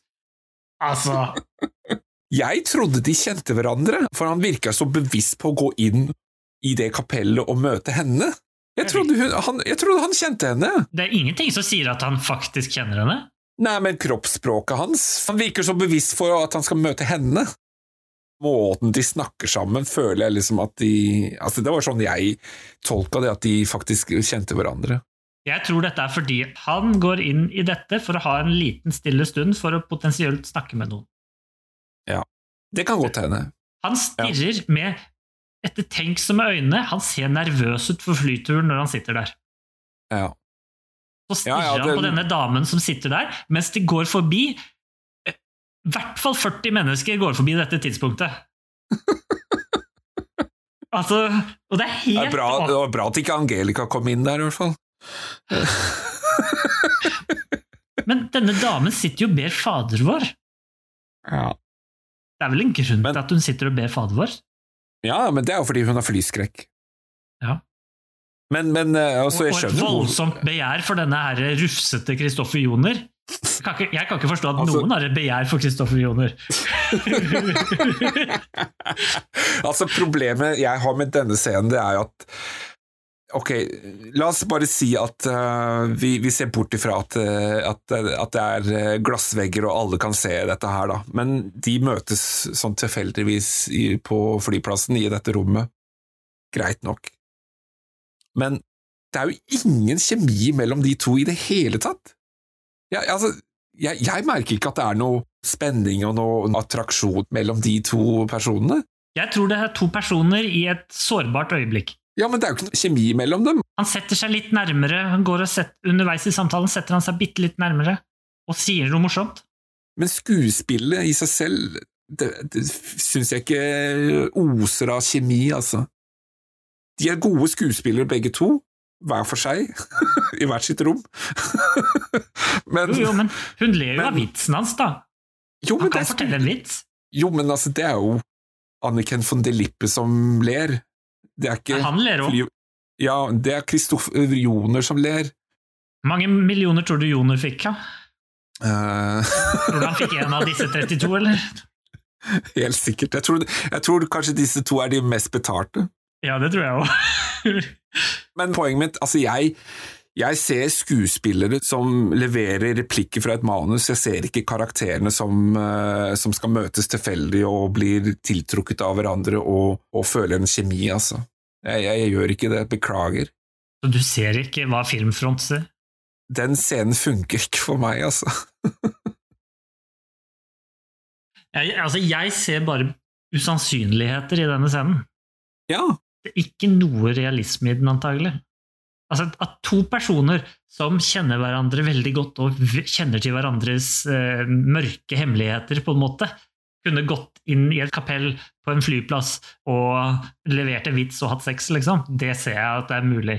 Men det er personer som man leser om i avisa på en måte en gang i hvert 40 år. jeg tror kanskje det skjer oftere enn det du tror. Jo, men ikke et åpent glasskapell midt ute der det går enormt mange mennesker forbi. Absolutt ikke. De kunne like gjerne gjort det i loungen. Ja, ja, ja. ja. altså, men det hadde jo vært mye mer realistisk da, hvis de hadde funnet et sted altså, som, hvor det var lukka vegger og inn på en dass eh, trangt, ikke sant. Det er en scene som hadde fungert bedre. Ja. ja da, ja da. Det er jo ikke noe kjemi mellom de to. Åh. Altså, hvorfor har vi den scenen? Nei, det skjønner jeg heller ikke. Hvorfor er den sexscenen egentlig der? Altså, er det for å Altså, Nå har vi signert eh, to personer her. Annike von de Lippe, som hun kan være flyvertinne. Skal vi gi henne en litt sånn morsom ting? At hun er redd for å fly? Ja, la oss gjøre det. Vet, vet du hvem andre vi klarte å signere i dag? Kristoffer Joner. Å, vet du hva som var litt kult? Om de to hadde hatt sex inne på et kapell. Sex selger, vet du. Og de er jo til og med på coveret! Ikke sant? Hva? Jeg har ikke sett traileren for denne filmen, ja, men jeg ser for meg at det er eh, hun over Kristoffer Joner i den traileren. Nei, vet du hva, dette er skikkelig, skikkelig unødvendig scene. Og Peter møter vi igjen når han skjærer seg etterpå. Det er greit. Ja, ja. Men eh, Susann møter vi vel ikke før de sitter på flyet? Nei, det gjør vi ikke, for hun eh, Nei, hun ser vi jo kun når vi er på flyet, stemmer. Det eneste denne scenen forteller oss, det er at, at Peter er en rundbrenner, og det er liksom Så Det sier jo noe om han som person, men i scenen er jo egentlig Han kunne like gjerne gjort det med en annen. Nei, vet du hva? Vet du hva? Jeg er helt sikker på at de ikke kjenner hverandre. Første gangen vi ser inn i flyet, så ser vi at hun har kledd på seg flyvertinnedrakt og går igjennom flyet. Og går frem Men har hun ikke det i kapellet òg? Nei, nei, nei, nei, helt vanlige klær. Ja, ja, ja, vanlige klær. Ja. Det er jo det som gjør det så innmari teit. Ja, på det tidspunktet så virker hun bare som en vanlig passasjer som er på flyplassen. ja, men han virker jo ikke noe overraska over at han Det er det han gjør på flyet når de møter hverandre. Ah, ja, ja, stemmer det! Da Stemmer det, det er det, der, det er det der det teite blikket, ja. Ja, shit! Nå ser han at hun er jo flyvertinne. Han må ha med henne å gjøre litt mer. Det var et strek i regninga, ikke sant? Men ville ikke han egentlig sett henne tidligere, fordi hun virker jo være den eneste flyvertinna som jobber der? Eh, og burde ikke hun da egentlig ha hatt sikkerhetsinstruksjoner? Jo. Så Da burde jo han allerede ha sett henne, så han burde ikke bli overraska over det. Men det kan være at han driter i flyinstruksjonene. Det kan godt være. Men ville ikke han da hørt stemmen hennes på høyttaleren? Det er jo ikke mye plass der. Du kan ikke I tillegg ikke se henne. Og i tillegg, når hun snakker med jenta, hvis han sitter i setet ved siden av, så reagerer han ikke før han snur seg, eller får et direkte spørsmål, og da ser han henne. Så har du jo han Bromsen, da. Ja, Andrew. Han er jo indrugent. eh, indrugent. Han er dirigent. han er dirigent. Men det som egentlig er poenget med den scenen, da, er jo at han har innsett at han er ikke den geniale dirigenten eller komponisten da, som folk tror at han er. Han tenker jo på at han skal dra til Oslo og så avsløre at han egentlig er en bedrager. Jeg tror du det? Ja, det er jo det han sier i diktafonen. Han ser jo på seg selv nå som en bedrager, og det tror jeg er fordi at han holder på å skrive et musikkstykke. Det ser vi jo på flyet, Ja, at han ja. skriver på eh, et noteark. Han prøver å komponere et nytt stykke som han ikke får til å gå opp. Ja, riktig. Og du mener at han finner slutten når, hun, Elise synger. når Elise synger? Så du mener at det løser tingen, og det er den konserten som er på operaen? Ja, helt riktig. Men da har vi vel vært innom alle personer. Eh, Da er vi på flyet. Det er ingen vei tilbake. Altså, vi er i akt to. At flyet letter. Det ser ganske greit ut. 2007-animasjon. Men du eh, hadde litt sånn problem med, disse her flyanimasjonene, eller? Ja, de har et problem med flyanimasjonen med at når det virker som at flyet mister masse høyde, eh, og det skal være så voldsomt uvær, men i animasjonene så er det ingenting som viser at det stuper og mister mye høyde, eller at det faller veldig, eller at det er så voldsomt uvær. Du ser jo at det er mørke skyer, da. Jo, men forskjellen på innsiden og utsiden er så stor. For eksempel, altså det er et øyeblikk hvor de kan se ut, og det ser ut som er, de ser inn i en ferdigbrent peis på utsiden. Dessuten, alt dette uværet, det har ingenting å si for fortellingen. Fordi at det er jo motoren som skal gå i stykker, ikke, har ikke noe med uværet å gjøre. Ja, men det er jo på en måte for å bygge opp spenningen, da. Ja, det skjønner jeg jo. Altså, du har eh, turbulens, ikke sant? Å, ikke sant? nå rister flyet, og så, og så går eh, motoren i stykker. Og så er det enda verre. Ja. Så, så jeg ser jo bare det som en sånn trappestige, at nå, nå øker de liksom konflikten. Ja. Du lurte forresten på hvem som løftet henne ut av det bassenget. Det er gutten. Han legger henne jo ned på senga. Ja, ja, men det, det er jo en drøm, eller sånn flashback vi ser på flyet, det stemmer det. Vi må, konkludere, vi må jo bare konkludere med at dette her er en fantasiscene, det er ikke sånn det faktisk skjedde. Og Nei, da kan jeg på en måte Da kan jeg eh, akseptere det. Annen Fordi han, klar, han klarer ikke å løfte henne. ja, Nei, nei, nei. Når jeg så denne filmen sånn på altså selve flyscenen, da, så, så må jeg jo faktisk si at jeg ble egentlig litt imponert over den kabinen. Fordi når man ser at det er turbulens og uvær og sånn, så rister jo hele flyet, ikke sant? Ja, ja, ja. Det er ikke bare at det er kamera som rister. Det er faktisk hele kabinen som rister. Du ser du nå at disse her maskene som henger og dingler ned fra taket, alle de beveger seg og rister med. Poenget er jo at dette her vil jeg tro er faktisk i en simulator. Altså, de har bygd et sett for dette, ja. Det kan godt hende at de har bygd det òg, men kudos til det at de faktisk har tenkt på de detaljene, at det ikke bare er kamera som rister. Men jeg ser på alt søppelet som ligger på bakken. Det ligger helt bom stille. Ja. Det kan være limt fast, selvfølgelig. ja. Borrelås. ja. Eh, Da har vi kommet til um, Katrine og Jon, som da sitter på flyet. Og han er jo fortsatt i det der flørtehumøret sitt som eh, han alltid har vært sånn helt fra starten av filmen, mens hun blir mer og mer reservert og stille.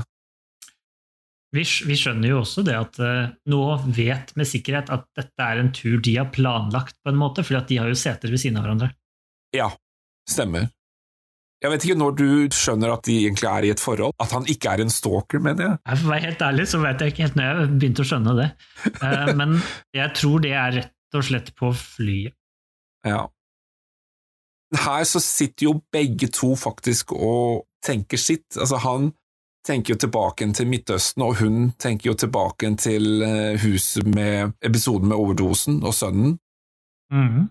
Vi skjønner jo at han jobber som en fotograf og har vært i Midtøsten. I utgangspunktet så tenker jeg at siden han har bilder på det kameraet fra Midtøsten, så tenker jeg at dette er kanskje ikke så lenge siden. Nei, Det kan jo være så enkelt som at han har landet fra Midtøsten nå, i Arlanda, og skal fly videre til Oslo.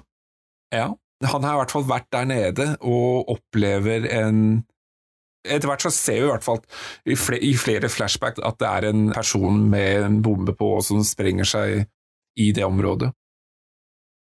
Og hun tenker jo tilbake på det der glassbadekaret, og der er jo da vi faktisk ser at sønnen legger henne ned på en seng eller noe sånt.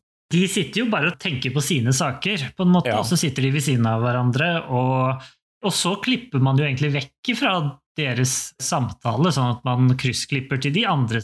Det er en liten scene også der når vi er på Katrine, for hun holder jo en sånn uh, krystallstein. Ja, det gjør hun, men når er det hun gjør det, da? Jeg lurer på om det er der, eh, og tenker jo litt tilbake på sønnen, for sønnen ga jo henne denne glassteinen. Det som skjer, det er at hun ser jo på den glassteinen i flyet, som, hvor da det lyset reflekterer ned på det der notearket som han Andrew sitter og skriver på. Ja. Jeg vet ikke om du la merke til det, men, men Jo, jeg, jo, jo. jeg tenkte at, at han liksom så hvor noten skulle være. Men De gjorde ikke noe mer ut av det, men jeg tenkte jo kanskje det var noe som trigga han. da. Og jeg, jeg tenkte at det var enklere enn det. Jeg tenkte at det kanskje var bare for å vise at han jobba. Det var det sikkert også. Eh, helt sikkert. For han setter jo ikke streker der det lyser, men det er jo klart at lyset kan jo gå opp foran. bokstavelig talt. Men uansett, da, det er faktisk en interessant måte hvordan de bruker de her eh, objektene for å flytte mellom karakterene og scener. Du har jo også det med bildet, ikke sant? Som Elise drar fram dette bildet av henne og eksen, og mister jo det på doen, og det finner jo da legen. Så de bruker jo disse her gjenstandene til å knytte personene sammen. Litt snedig gjort, da. Han blir jo litt sånn arg på henne, fordi han spør jo fortsatt om den derre legen, da. Og så sier hun at hun har intervjuet han, men er det bare en sånn hvit løgn, det, da? Altså, der og da tenkte jeg, kunne det være at hun så for seg at samtalen de hadde hatt, var hun som spurte han? At det faktisk var et intervju? Oh, ja, Dermed det, så, følte at hun egentlig hadde intervjuet Erik. så, så du mener at den scenen i starten ikke er av overdosen, men at det faktisk er et intervjuseanse? Nei, jeg mener at hun er innlagt på det tidspunktet, men at hun får svar på noe hun lurer på, og dermed kan si til Jon senere at de har truffet hverandre i et intervju. Altså, hun later som at det er et intervju? Ja. Det virker jo som at hun ikke tror at Jon vet hva hun har holdt på med. Hvorfor i all verden snakker hun med en kirurg? Åh. Hun snakker med Erik fordi det må være Erik. Fordi Erik er med på flyet. Ja, ja, ikke sant? Men Erik han må også kunne operere fordi han er med på flyet. Jeg tror eh, i det, det originale manuset, da var det egentlig tre personer som jobbet på sykehuset. Det var en psykolog og en kirurg og en vakthavende. Og så har de bare slått sammen de tre til én og samme person, Ja. som ble Erik. Ah. Men, men poenget er jo at han, Jon han, Han prøver jo og prøver jo å liksom nå fram til uh, Katrine. Ja, jeg tror jo det at etter hvert her så virker det jo for meg som at Jon er ganske fornuftig. Ja, sånn som jeg sa i stad, altså det å tenke på de døde gjør jo ikke de døde levende. Nei, nei. Så han vil jo fokusere på forholdet, på, på henne, og hvordan kan vi komme videre. Det er jo der han er. Og så er vi jo inne i det der flystyrtet, da, eh, eller det som de tror blir et flystyrt. Og som man burde tenke at det blir et flystyrt, hvis man har sett en av de to plakatene vi snakket om i starten, som helt åpenbart viser et fly som styrter. Ja, det er faktisk sant. Begge plakatene.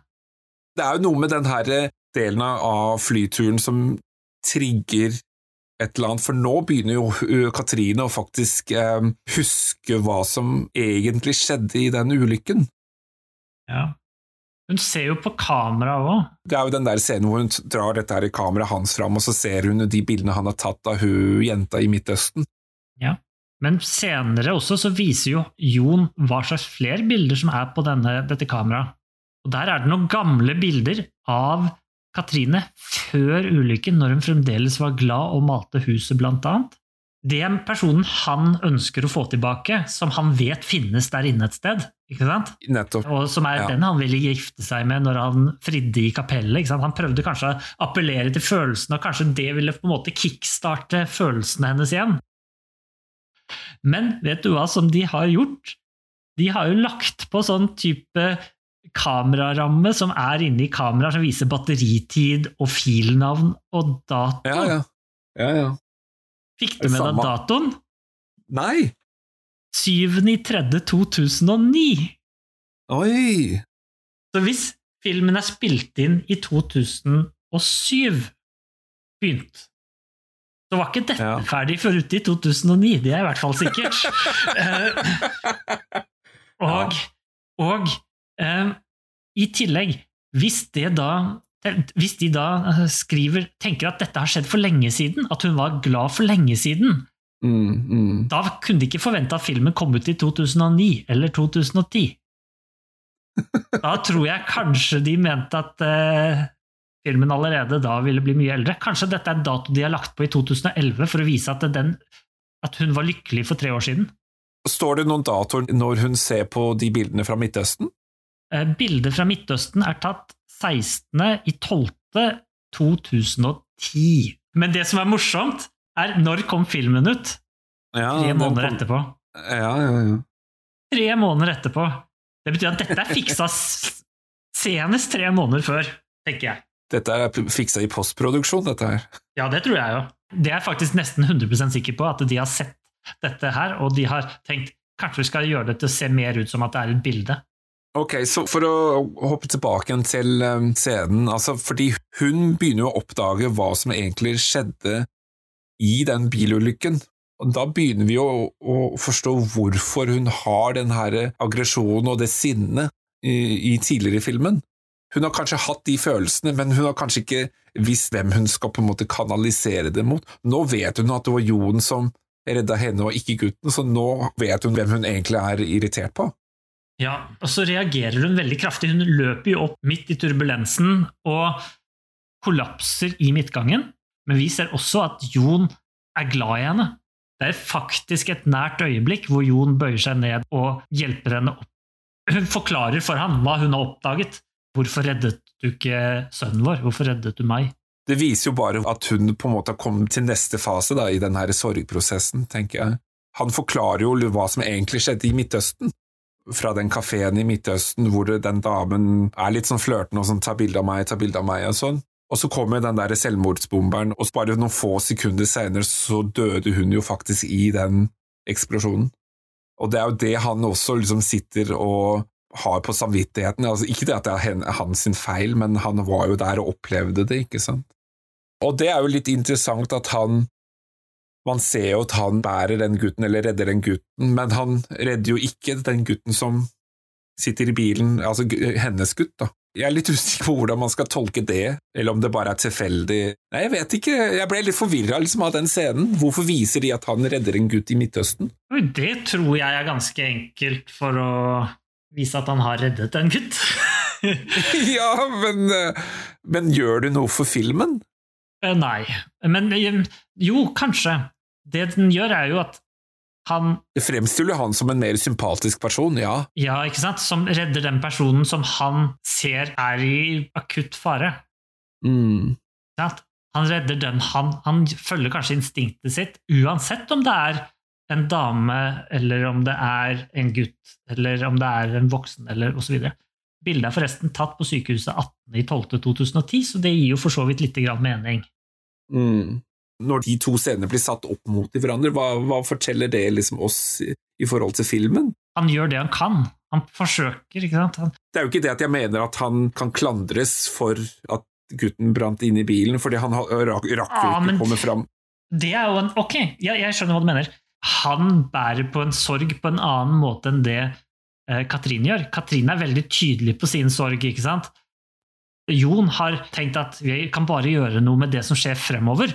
Ikke sant? Nå fikk han en mulighet til å gjøre opp for det han gjorde feil sist gang.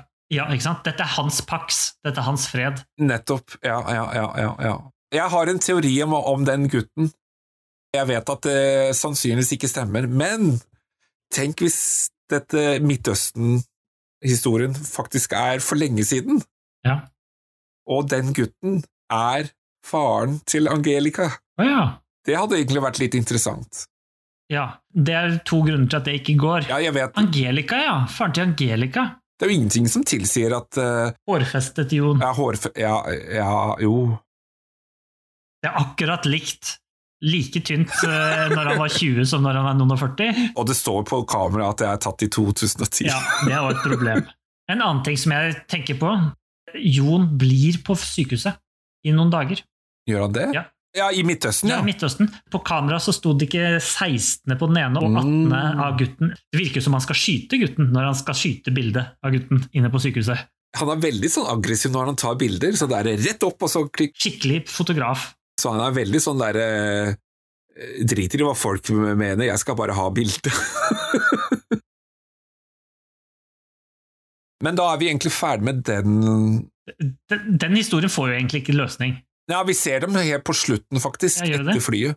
Jo, Ja. det gjør vi. Ja, hjem, hjemme, ja. Det gjør vi faktisk. Det er liksom antiklimaks, nesten. De har opplevd eh, dette eh, nesten-ulykken, flystyrten, da. Ja. Og han skal bestille mat og drar av gårde, og hun drar ut og svømmer. Han har med seg gule roser. Og så føler han på seg at han må løpe tilbake. Ja, altså Ja, Hvordan? hvorfor gjør han det? Nei, han, får, han får føling i fjæra, altså. Det er Ja, plutselig skjønner han at kona hans er suicidal, liksom. Det burde ikke han ha skjønt det for lenge siden. Jeg mener jo det, Ja, da. altså, vi, vi skjønte det i første scene. Vi, vi. Men hvorfor skjønner at, han er, at, eh, at kona er suicidal? Der. Han må jo ha visst Ja. det. Nei, det kan du ikke. Og vet du hva? Hun har jo ikke sagt at hun har forsøkt å ta livet sitt. Nei, det har hun jo ikke. Han vet jo ikke det, hvis hun har gjort dette mens han var i Midtøsten. Og sannsynligvis har ikke hun fortalt det heller, altså i etterflyturen. Jeg tror den scenen bare skal få det til å vise at alle de små hintene som vi har fått, som han ikke kjenner til, har gått opp for han. Det er jo ikke, altså, det er jo ikke noe sjanse at han har fått de hintene. Nei da, men det er litt problemer med, med fortellingen her, da. Det går bra, det. De kommer jo hjem, og så oppdager jo han at uh, hun er suicidal, eller i hvert fall er, har mistanke, da. Og da begynner liksom kontakten deres å uh, blomstre, da, kan man si. Hun, hun skjønner at han egentlig er veldig glad i sønnen. Ok, hun sier en fantastisk replikk. Det bildet tok du bare ei uke før han døde. Da visste han ingenting. Jeg visste ingenting, du visste ingenting. Jeg orker ikke med det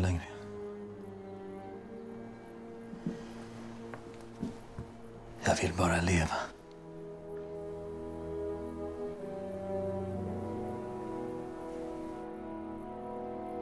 Jag valde att dra ut dig först.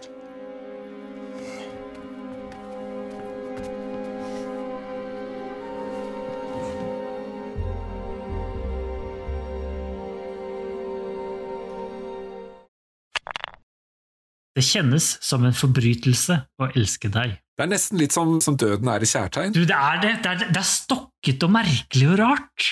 Men hva er, hva er forbrytelsen? Jo, men, ok. Hun elsker han, tydeligvis, da, ifølge Ja. den sitatet. Ja. Så hvem sier det på den måten til den du elsker? Ja, men, ja, ikke sant? så Er det fordi, Det er fordi er at det fordi at, hun føler, at hun føler at det er en forbrytelse å elske han fordi han reddet henne og ikke sønnen? Ja. Det er jo veldig snodig å si, Hun da. sier jo nesten at fordi at du, for, for meg så drepte du sønnen vår, derfor, og så elsker jeg deg likevel, og det er en forbrytelse. Det er ganske drøyt å si, altså. Ja, men hun sier jo så mye rart, hun dama her. Manuset er så uvirkelig. Det er noe med dialogen, Det altså. er som at dette skulle vært haugamalt. Dette manuset skulle vært laget på 40-tallet. Det er mulig at det kryssklippes litt her, men, men det, man ser i hvert fall en scene hvor de sitter inne på soverommet, og så er deres historie konkludert, da. Å ja, ja, riktig. Det stemmer. Jeg husker det. Så de har jo funnet pax, eller funnet freden sånn i hverandre, og de har funnet tilbake en Det til kjærligheten Det til hverandre, liksom. Så, Jon fikk det som han ville. Og hun er sikkert like suicidal.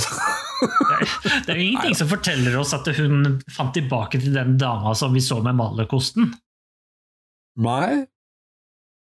Hvis man skal assosiere med at soverommet er noe happy og sånn, så kan man tenke at begge to er det. Ja.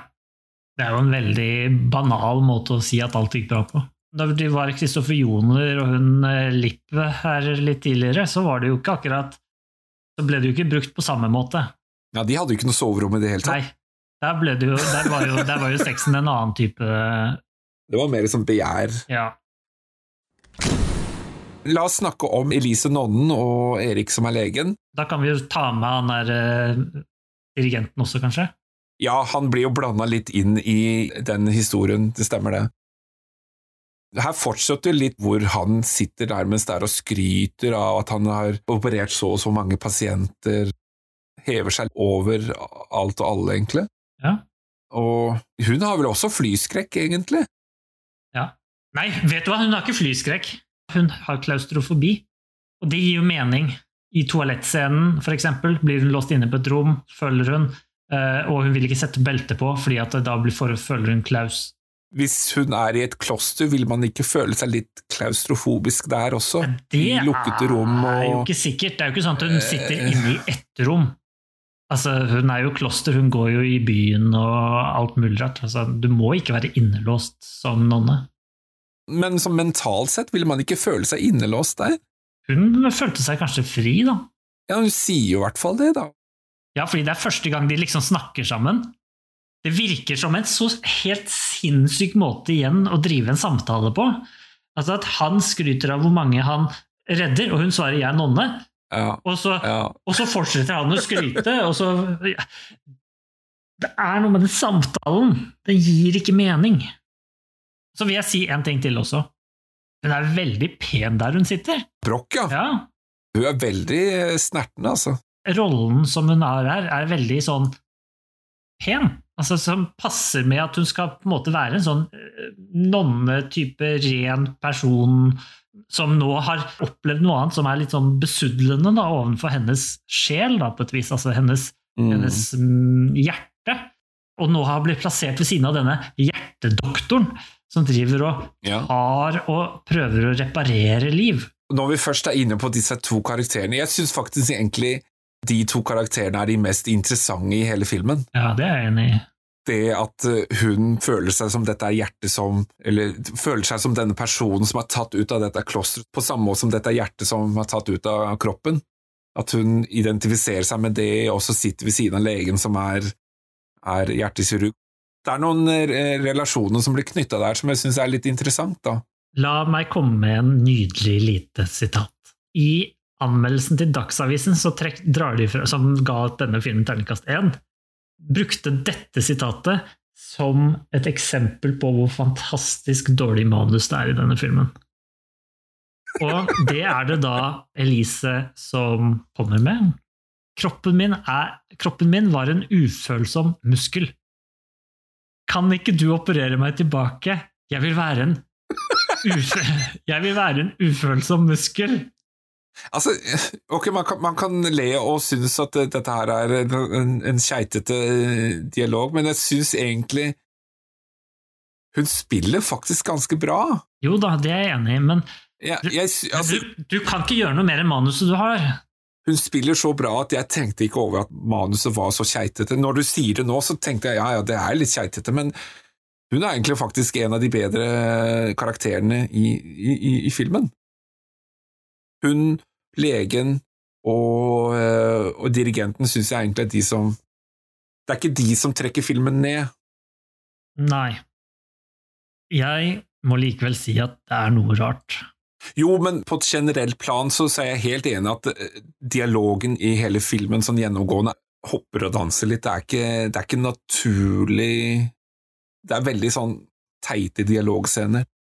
Sånn som den der scenen mellom eh, Susanne og Petter på kapellet. Altså, det, det, det er bare rart. Skulle tro at eh, gode forfattere skulle klare å få til bedre enn det. Lars Aabe Christensen er en ålreit forfatter. Jo, men det kan godt hende at på papiret så Ja, så virka det bra. så, så, så virka det bra, men når man skal liksom overføre det til et bildespråk og en scene, så blir det noe helt annet. Så funker det ikke fordi det på en måte må noen flere visuelle virkemidler inn. Jeg er enig i det. Men du snakket jo litt varmt om nå disse to. Ja, Og spesielt når det virkelig går gærent med dette flyet, så blir jo hun krakelsk, altså blir rabiat, nærmest. Krakilsk. Krakilsk. Erik må liksom ta til fornuften og holde henne nede og få på henne belte og sånn, ikke sant? Og det er vel den scenen hvor det vises mest følelser i denne filmen, tror jeg. ja men jeg syns ikke det var så ille. Nei. Ja, altså, det var greit, liksom. Så stirrer han veldig, veldig nøye henne i ansiktet, og så kysser han henne.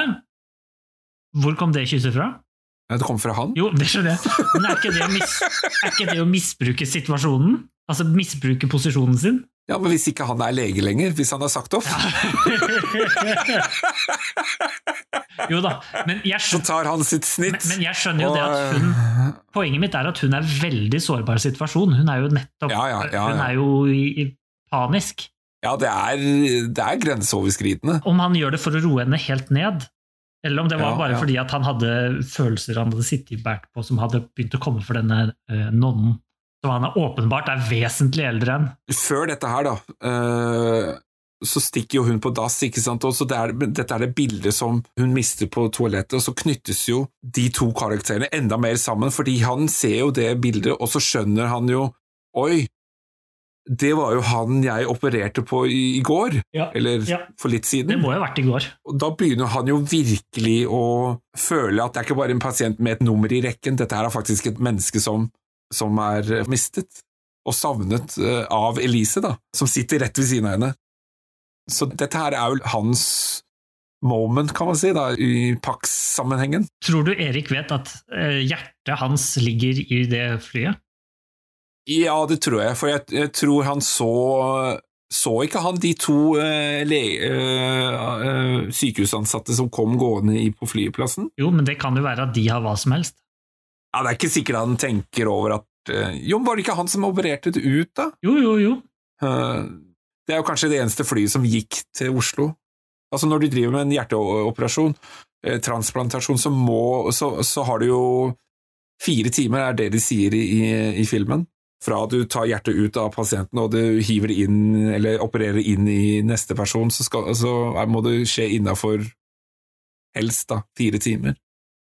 Det er jo ikke så mange muligheter da, til å få det hjertet liksom til Oslo på. Nei, det er jo halvannen time, to timer, bare det, pluss kjøringa til sjukehuset. Ok, dette her er litt rart. Ok, så hvis han har operert eh, Hvis det er han som har operert dette her eh, dagen før Ja, hvis han har gjort dette… Ja, men hvis den operasjonen har skjedd dagen før, da, så er det jo gått lenger enn fire timer. Så det er ikke han som har For gjort dette er jo midt på dagen på neste dag. Ja, ja, ja. Det kan, ikke være han, det kan jo være han som missa denne operasjonen, så hjertet ble senere operert ut, sånn at kroppen ble brukt til organer. Kan man la kroppen ligge i type kjøl i lengre tid, og så ta ut på hjertet. det er kroppen i det hele tatt? Og ja, det tror jeg. Sånn at man sparer organene over lengre tid ved å ha det sammenkobla, og så tar man ut hjertet, og så har man fire timer til man må sette inn et nytt menneske. Ser vi ikke et flashback hvor de snakker om at eh, ja, men eh, kroppen er fortsatt fin, og vi kan bruke organene? Jo, han snakker med overlegen sin. Ja, da tenker jeg jo at det er han som har gjort det. Ja, riktig. Det kan jo være en av de andre kirurgene som har gjort, tatt ut Kan jo selvfølgelig være det. Uansett, dette hjertet får jo da betydning for Elise. Så kommer det et nytt turbulenssak som gjør at hun faller over ende, og boksen med hjertet inni flyr ut av beholderen sin og faller ned og treffer Elise i siden, sånn at hun får et dypt kutt. Eller Ja, eh, det er egentlig i låret. er det i låret? Ja, Erik sier faktisk lårhovedblodåre. Det er litt vanskelig å høre, men med engelsk undertekst så står det faktisk også femoral artery, så da betyr det samme. Hovedblodåren i låret. Det kryssklippes jo litt grann i denne, denne scenen Ja, med, ja, med det det. tilbakeblikk på at han snakker med sjefen sin om at han mister jo noen innimellom, sånn at vi skal få en følelse at hun kommer til å dø. Ja, det er sant. Og så sier hun hvis ikke dette går bra, så må du love meg en ting. Ikke sant? Du må ringe han som kjørte bilen og si at det ikke var en ulykke, at eh, mannen hennes egentlig ville dø.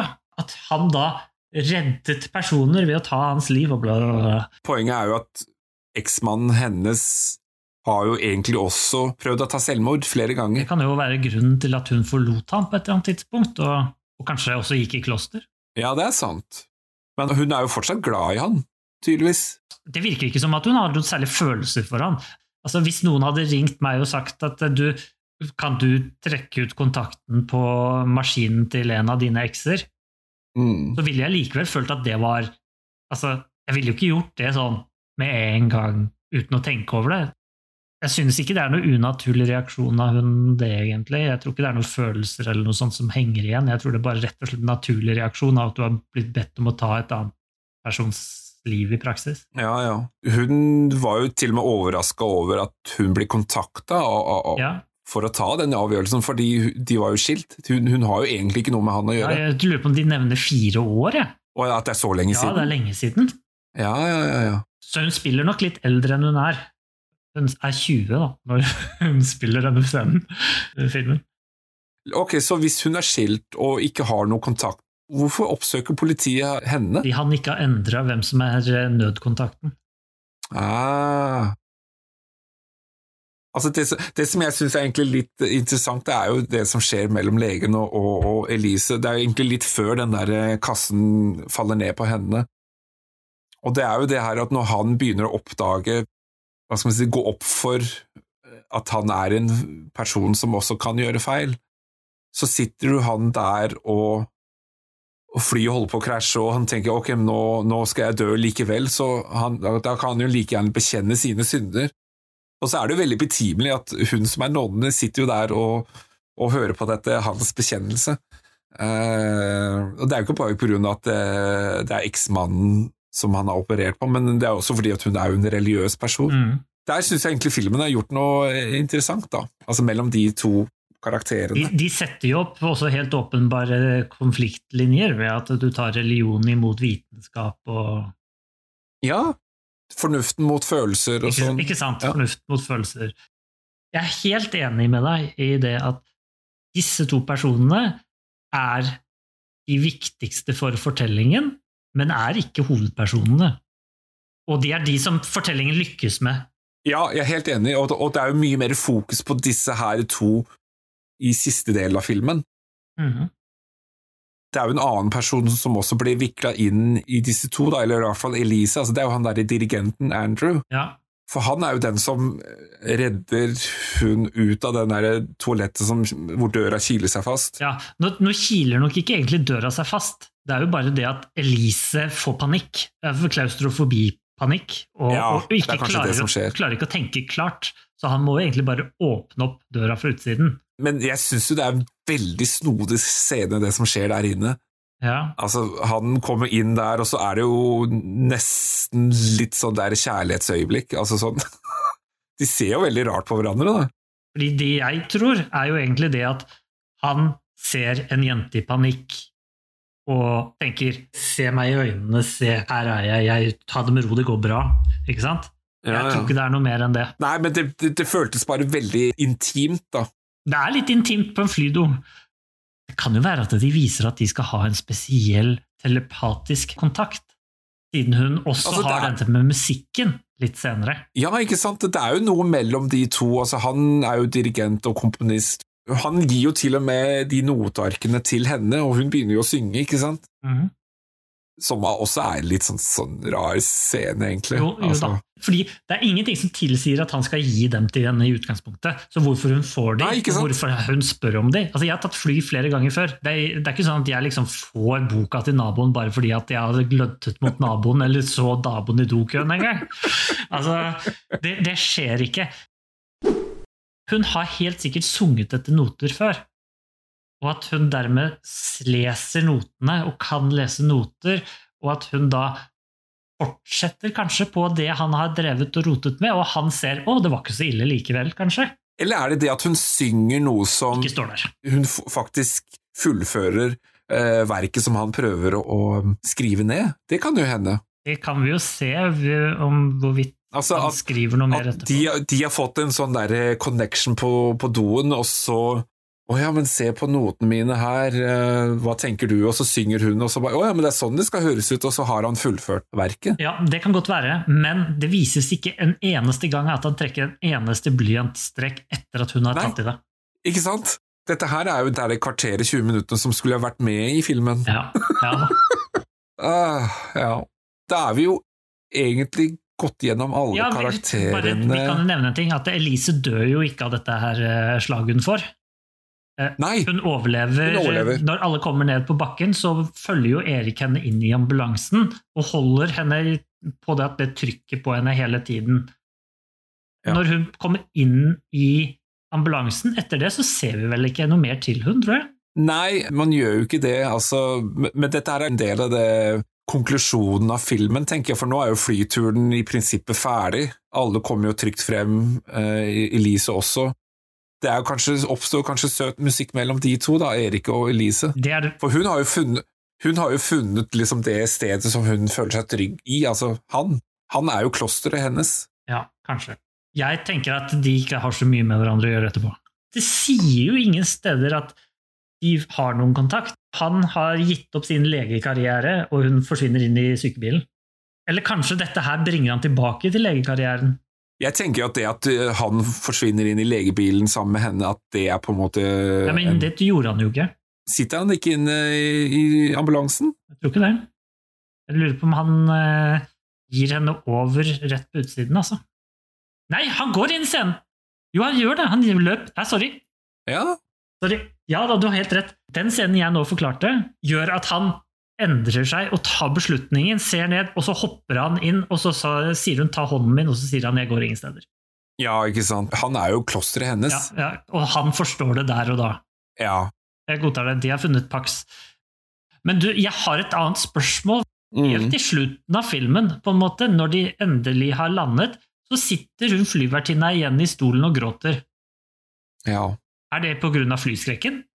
Ja, jeg skjønte heller ikke den uh, scenen. Um, ja, Flyet er jo helt tomt på det tidspunktet. jeg skjønner ikke hva er liksom konklusjonen hennes. Er det bare en sånn etter... Uh... Er det sånn 'å ja, nå har ikke hun flyskrekk lenger', for hun har liksom lurt smil akkurat på slutten? Det- Jeg tenker mer at hun tenkte åh, jeg, vi klarte det. Vi, jeg unnslapp. Jeg lurte døden, liksom. Hvis man skal liksom følge det jeg tror filmen prøver å si, at alle karakterene får fred, så føler jeg ikke at hun føler det. Altså, hun har jo overlevd turen akkurat som alle andre, men har hun overvunnet den flyskrekken? Jeg, jeg tror ikke det. Jeg tror ikke hun har overvunnet noe som helst, annet enn flyturen. Men en annen ting om lengden på filmen, for vi har jo snakket om dette her nå. Jeg har sjekket opp. Filmen varer i 1 time og 58 sekunder. Nei, 1 time, 7 minutter og 58 sekunder. Og av det så er det ett og et halvt minutt med intro, som er da eh, denne filmen er laget av, og så videre. Og rulleteksten. Ja, rulleteksten er ikke medberegna i de, da de Nei, og ja. Så jeg fjerna det. Så det er altså 107, 106.30. Så 16.30, 1 time, 6 minutter og 30 sekunder, er det film. Det er fryktelig kort, Det da. er kjempekort. Men det er kanskje det beste med filmen. Ja Jeg veit ikke. For å summere opp, da. altså Det går jo bra med alle personene. Til og med Anja får jo dette her hjertet operert inn, ikke sant? og vi ser jo at, at hjertet begynner å pumpe, og så er liksom alle trådene teoretisk sett snøret sammen. Vi ser jo også dirigent står der og dirigerer dette her um, koret sitt, da. Ja. og han er kjempeglad, og Angelica sitter jo der og er kjempeglad og har møtt faren. ja, det er, aller siste bildet er jo Angelica holder om Ja. rundt faren sin, da. Altså, alle disse her personene som vi har møtt, de har jo funnet pax eller fred, eller kommet videre i, i livet på en eller annen måte. Altså, de, de, de hadde jo noen issues og problemer i starten, og, så nå, og nå er det jo på en måte blitt en annen person, ikke sant? Peter har kanskje innsett at han er en bedre far. Susann er jeg litt usikker på, for du Jeg vet ikke om hun har overvunnet flyskrekken. Hun har overlevd turen, Ja, det har jo alle. Men hun har jo nå brakt dem igjennom. Katrine og Jon har jo funnet hverandre, ikke sant? Funnet tilbake til kjærligheten. Erik og Lisa har jo funnet hverandre. Han har jo innrømmet at han er en person som ikke er feilfri, og hun har liksom funnet roen i han. Andrew har fått brikkene til å gå opp på notverket. Også Angelica har møtt faren sin, og var glad for det. Men det er ikke, det er ikke alle karakterene som jeg syns hva skal man si, har den der dybden som jeg syns ikke Susann har så veldig mye for historien å gjøre, egentlig. Annet enn at hun møter jo Peter, men den scenen på, i kapellet har jo, har jo egentlig ingenting å si. Nei. Men da er jo filmen ferdig. Uansett, er det terningkast én, Lars? Jeg vil jo gjerne La oss ikke trille terning, la oss gjøre det på en annen måte. Stjerner. Vi har om, vi har snakket om en annen film hvor folk så stjerner, nemlig Ulykken. Ja, ja, ja. ja, ja. Ulykken var ræva. ja. Den hadde sine mangler, den òg. Ja, men den hadde ikke veldig mange positive ting ved seg. Den hadde helt åpenbare strukturelle problemer i fortellingen, som vi ikke fikk til å stemme overhodet. I tillegg til scener hvor det var overflødige scener som ikke har noe for fortellingen å gjøre, og merkelig personutvikling osv. Mm. Men denne filmen derimot, Pax, den har rare scener som ikke henger på greip. Men filmen i seg selv er jo en fortelling som Altså, Altså, jeg skjønner jo fortellingen. jeg, jeg skjønner fortellingen, jeg òg. Jeg skjønner jo hva de prøver å fortelle meg. Er ikke det da bedre enn en film hvor jeg liksom tenkte at vi visste ikke egentlig hva som skjedde?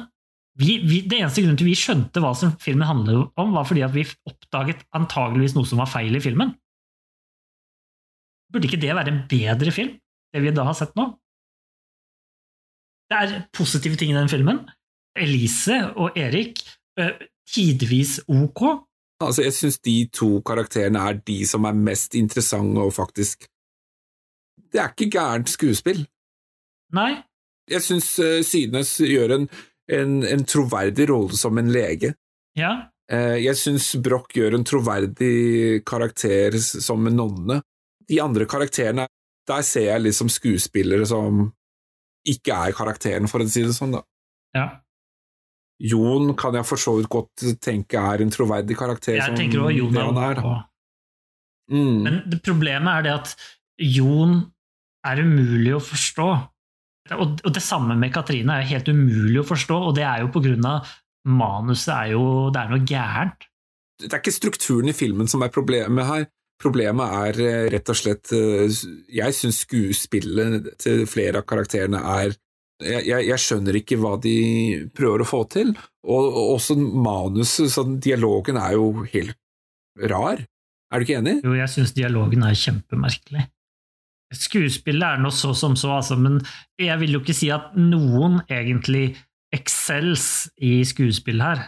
Men jeg føler liksom at det er fra ok og nedover. Altså, jeg synes ikke han legen er så veldig god i alle scener, eksempel. Altså, han er god i slutten av filmen. Det er det samme at han har lært seg å bli skuespiller mot slutten. ikke sant? Altså, jeg, Altså, det eneste jeg har problem med legen, det er den første scenen mellom han og Katrine. Det er jo null relasjon der overhodet.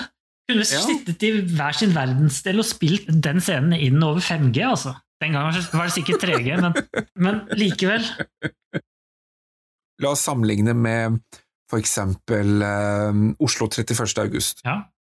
Altså, Hvis du husker på hvordan dialogen og samtalene er, altså det er bare helt opp i toppen. Altså, jeg, jeg husker den følelsen når jeg satt og, og, og hørte samtalen mellom disse her karakterene. Altså, det Ble var satt bare ut i parken. Ja, ikke sant? Altså, det de sa, det liksom traff meg virkelig, og det, det liksom gjorde noe med meg. Mm.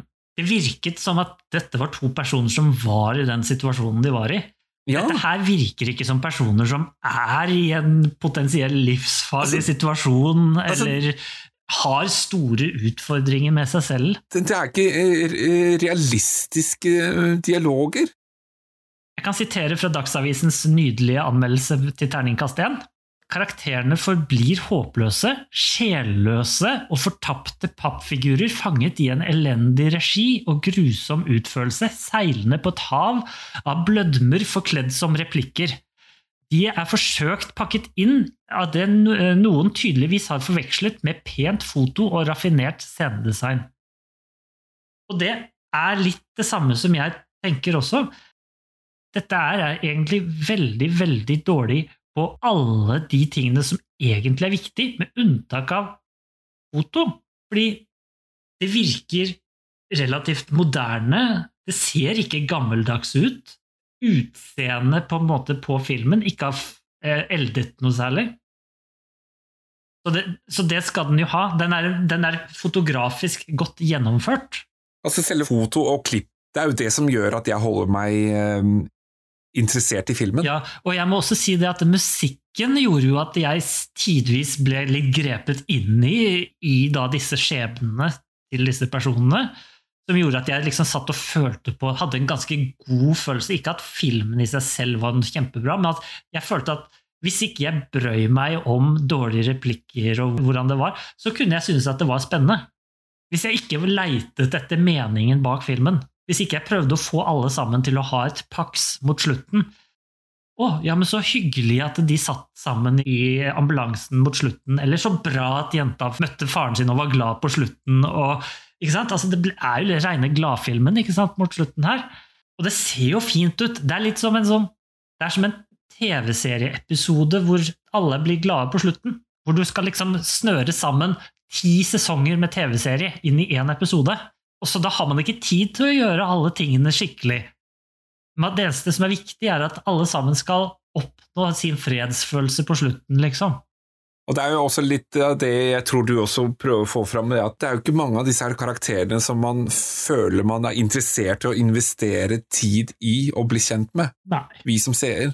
Jeg tenker at noen en gang i tiden har sett filmen Love Actually, og så tenker å, men vi kan gjøre dette her i en norsk utgave, med vår egen vri. Vi får Lars Saabye Christensen til å skrive et eh, råbra manus, og så eh, tenker vi å, men her er et bra manus, vi får til noen store eh, skuespillere, ditten og datten, ikke sant? Men så glemmer man at det faktisk skal være en kjemi mellom skuespillerne. Man glemmer at den skuespilleren skal faktisk kunne identifisere seg med karakteren og passe til den karakteren. Og det er der jeg føler eh, filmen sliter litt. Jeg syns ikke Kristoffer Joner har kjemi med Anniki von der Lippe, og jeg syns ikke hun er troverdig som den, eh, den stewardessen. Samme med Katrine og, og til dels Jon også. Altså, jeg, jeg føler ikke at de spiller den, at de er den karakteren. Dessverre. Aftenposten snakka med Anette Sjursen etter at denne filmen hadde hatt åpningshelgen sin, og man hadde 830 personer på besøk, og hvor det var syv forestillinger hvor det ikke var noen besøkende i det hele tatt. Og dette var en film som var satt opp over hele landet. Alle mulige kinoer, land og strand rundt. Det var en kjempesak. Og så svarer da en irritert, ifølge Aftenposten, regissør, Anette Sursen, avviser da overfor Aftenposten at Pax ble totalslaktet av kritikerne, og viser til at filmen faktisk oppnådde alle valører på terningen. Og så sier hun at det var da eh, fantastisk å få terningkast seks i Filmforum, men selvsagt trist å se terningkast én og to andre steder. Men så sa hun at jeg ser filmpublikumsterningen på Filmweb var terningkast fem. Så hun mente at det da var meninger i aller høyeste grad som var delte hos folk. Så får hun da spørsmålet igjen om det ikke var leit at flere ikke så filmen. Og så svarer hun, sitat da, det er vondt for meg, produsentene og investorene. Vi hadde og har stor tro på dette prosjektet og er stolte av Pax, sier hun om filmen til det totalbudsjettet på 32 millioner kroner. Og Så står det videre Dagsavisen ga terningkast 1 og skrev på sin førsteside at Pax var en skam for norsk film. Det ønsket hun ikke kommentere. Jeg må bare si det, at det var nok litt tungt for norske filmer sånn, på dette tidspunktet. Det var en del filmer som floppet. Riktignok var det noen som virkelig slo han også, men det var en del som floppet litt i den perioden. Men Mm. aldri har vel en norsk film floppet så mye som denne filmen. Altså, folk forventet ikke alle verdens av Aune Sands eh, dis. Hvis man tenker i forhold til hva som er investert i den, og, og hvor den landa Ja, ikke sant? 32 millioner kroner inn i en film, det er mye. ja. Hvor mye var det Max Manus eh, ble Er vi oppe i 100 millioner, eller noe sånt? Eller IMDb estimerer 50 millioner kroner. 50 millioner? Ja. Og denne filmen her hadde 32 millioner? Ja. Tenk etter hva som skjedde i Max Manus. Max Manus er hvor lang? To timer? Enormt mange personer med. Den er laget i samme periode som denne filmen var ferdig innspilt, 2008, Max Manus. De har stengt av hele Karl Johan og heist naziflagg everywhere. De sprenger bygninger og alt mulig. Altså Der kan man jo si at de kanskje har brukt kronene bedre. Hvor i all verden gikk pengene? Har det vært en animatør et eller annet sted som har sagt nei, dette her blir nok 55 millioner kroner, det tenker jeg. Du, det. altså, hva er det som skjer? Altså, se på hvor stor kvalitetsforskjell det er på de to filmene som er laget samme år. De kom ikke ut samme år, men de er laget samme år. Det er eksepsjonelt stor forskjell. Skal jeg fortelle deg hvordan Dagsavisen avslutter sin anmeldelse av filmen? Ja. Sjursens Flettverks katastrofefilm var ferdiginnspilt i mars 2008, men grunnet behov for å bruke sitat, flere ressurser på flykrasjscenene, tok det altså tre år til før den sto ferdig, til den totalsum av 22 millioner kroner. Ta til du skjems, heter det nordpå. Noen burde skammet seg for lenge siden. Jeg lurer på om den totalsummen altså ble enda større. Altså. Det kan godt hende. Jeg, mener, vel, jeg har lest mange steder at det var 32. Altså Bare for å nevne det, altså, Filmforum har jo da gitt denne filmen terningkast seks. Dette støttet jo Anette Sursen, som er regissør, seg på. At den hadde jo fått en sekser på terningen av Filmforumet. Jeg prøvde å finne igjen den anmeldelsen, ja, men det er rett og slett umulig. Den eksisterer jo knapt. Men Fredrikstad Blad og Hamar Dagblad ga begge to terningkast fem. Eh, ellers kan vi også nevne at eh, Filmbyen, Østlandsposten, Avisa Nordland, Dagsavisen og Adresseavisen alle sammen ga den terningkast én. Eh, og og så, Ja. sågar Dagsavisen sa at dette er kanskje den dårligste norske filmen ever. Oi, Det er sterke ord. det er, det er sterke De, ord, de sa altså. de hoppa etter han her Aune Sand. Med dis. Med Dis, ja. At dette var dårligere enn Dis, kanskje.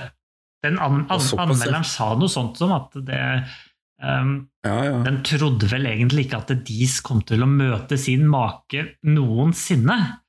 Men at den nå rett og slett kan ha gjort det da med denne filmen Pax. ja, vi får finne ut av det, da. Ja, Det er det vi gjør nå. Ja. Er det Filmforum som har rett, eller er det Dagsavisen? Eller kanskje det er noe sted midt imellom? Og så kan jo dere lyttere også slenge dere på og komme med deres eh, mening. Se filmen og, og legge en kommentar på Facebook eller Instagrammen vår. For å unngå å bare snakke negativt om filmen, da. Jeg har prøvd å være positiv, Lars. Ja da, men jeg syns jo også den stiller jo noen interessante spørsmål i forhold til det der med å, å ta liv og la folk dø, eller la folk leve. Altså Tenk i forhold til det med den bilulykken ikke sant, med sønnen, legen som opererer på eksmannen til Elise. Hvor tilfeldigheten vil at hans hjerte ja, faktisk redder et annen persons liv. Og så er det jo det med altså, nonnen, da, Lise, som eh, også må sitte der og ta avgjørelsen om å slå av denne her respiratoren. Ja da. Men poenget er at den stiller jo noen interessante spørsmål i forhold til det der, og hva, hva som er etisk riktig, og hva som er greit og sånn. Så sånn sett så, så er det jo på en måte noen ting som kommer godt ut av den, av filmen.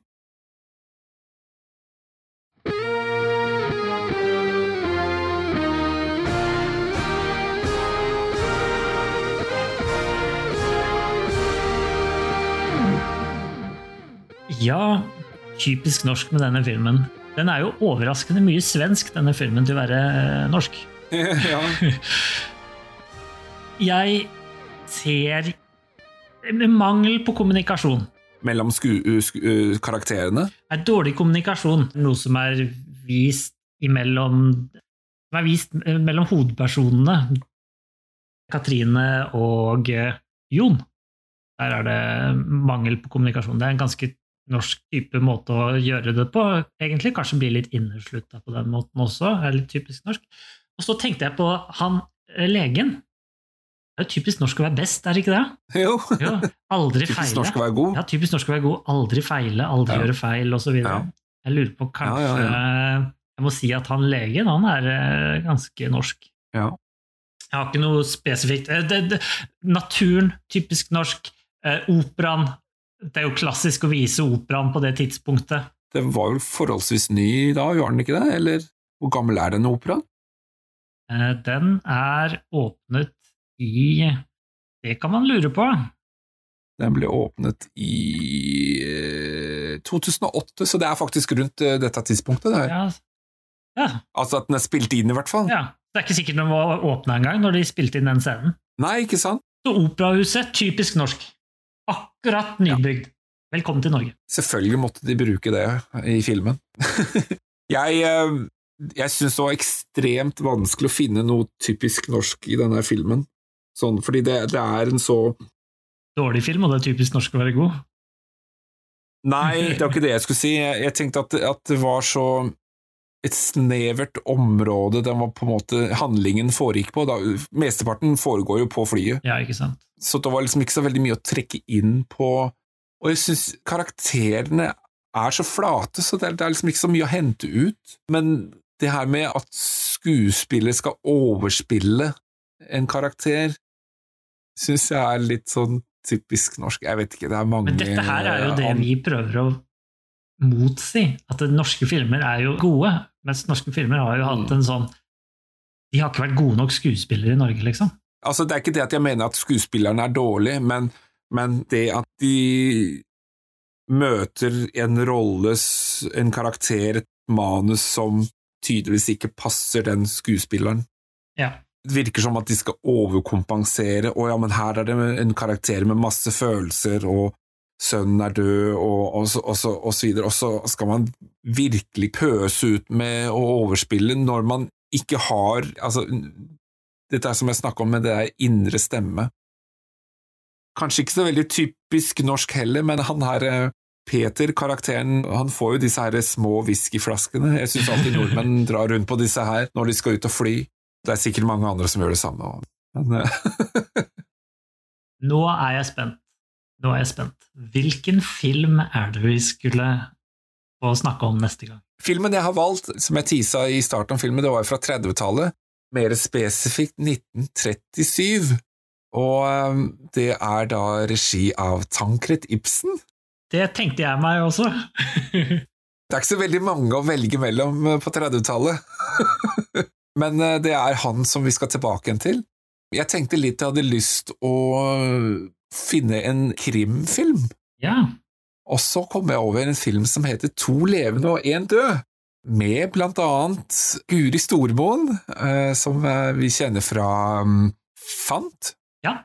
Som ble spilt inn også i 1937 av Tankred Ibsen. Ja, Ellers er det ikke fryktelig mange andre skuespillere som jeg liksom drar kjennelsen på. Hans Jakob Nilsen, jeg vet ikke, er det et kjent navn? Unni Torkelsen. Men dette her er en krimfilm eh, om et ran på, på et postkontor. Så det handler jo om en postfunksjonær, da, Erik Berger, som er spilt av Hans Jakob Nilsen.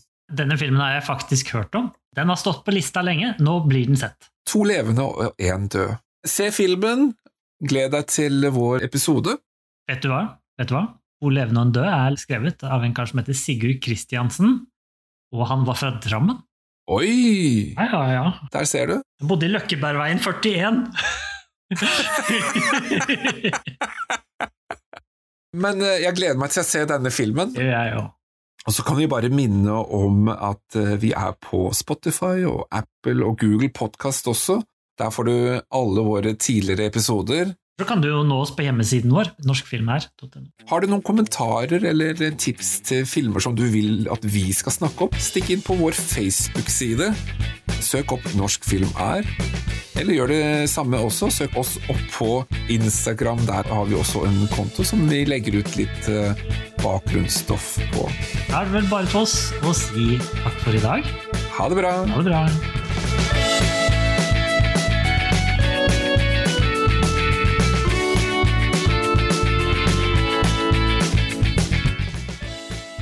Hallo? Er det noen hjemme? Det var, eh, det var et langt tidsperspektiv, dette her. Yes. Hallo? Og til slutt eh, vår svenske gamle venn eh, som står der i full giver. Ja. Jeg er litt fremdeles usikker på hvorfor han er med i filmen. Ehm, ja uh, Hvorfor er, hvorfor er det, så hvorfor er det bilde av ham på posteren? Mens hans eh, handlinger tyder på at han gjerne støtter flertall og makten. Nei, herlighet, da, jeg leste feil. Hvor i all verden ble det av dette her? Men er det uansett Å, jeg tar det på nytt. Men uansett Herlighet, det var vanskelig. Det var en krøkkete setning. Du, kan jeg få ta litt vann? Jeg er bare hod... eh, jeg får sånn hodepine av den her eh, filmen. Ja, det kan jeg forstå. To sekunder. Vi snakket jo om Oslo 31. august, for eksempel. Den er bare den 14. mest sette norske filmen i 2011. Sier du det? Ja, med 64 000 personer som så på den. Jeg syns det er kriminelt lavt. Jeg jeg, altså. synes det er jo fryktelig dårlig.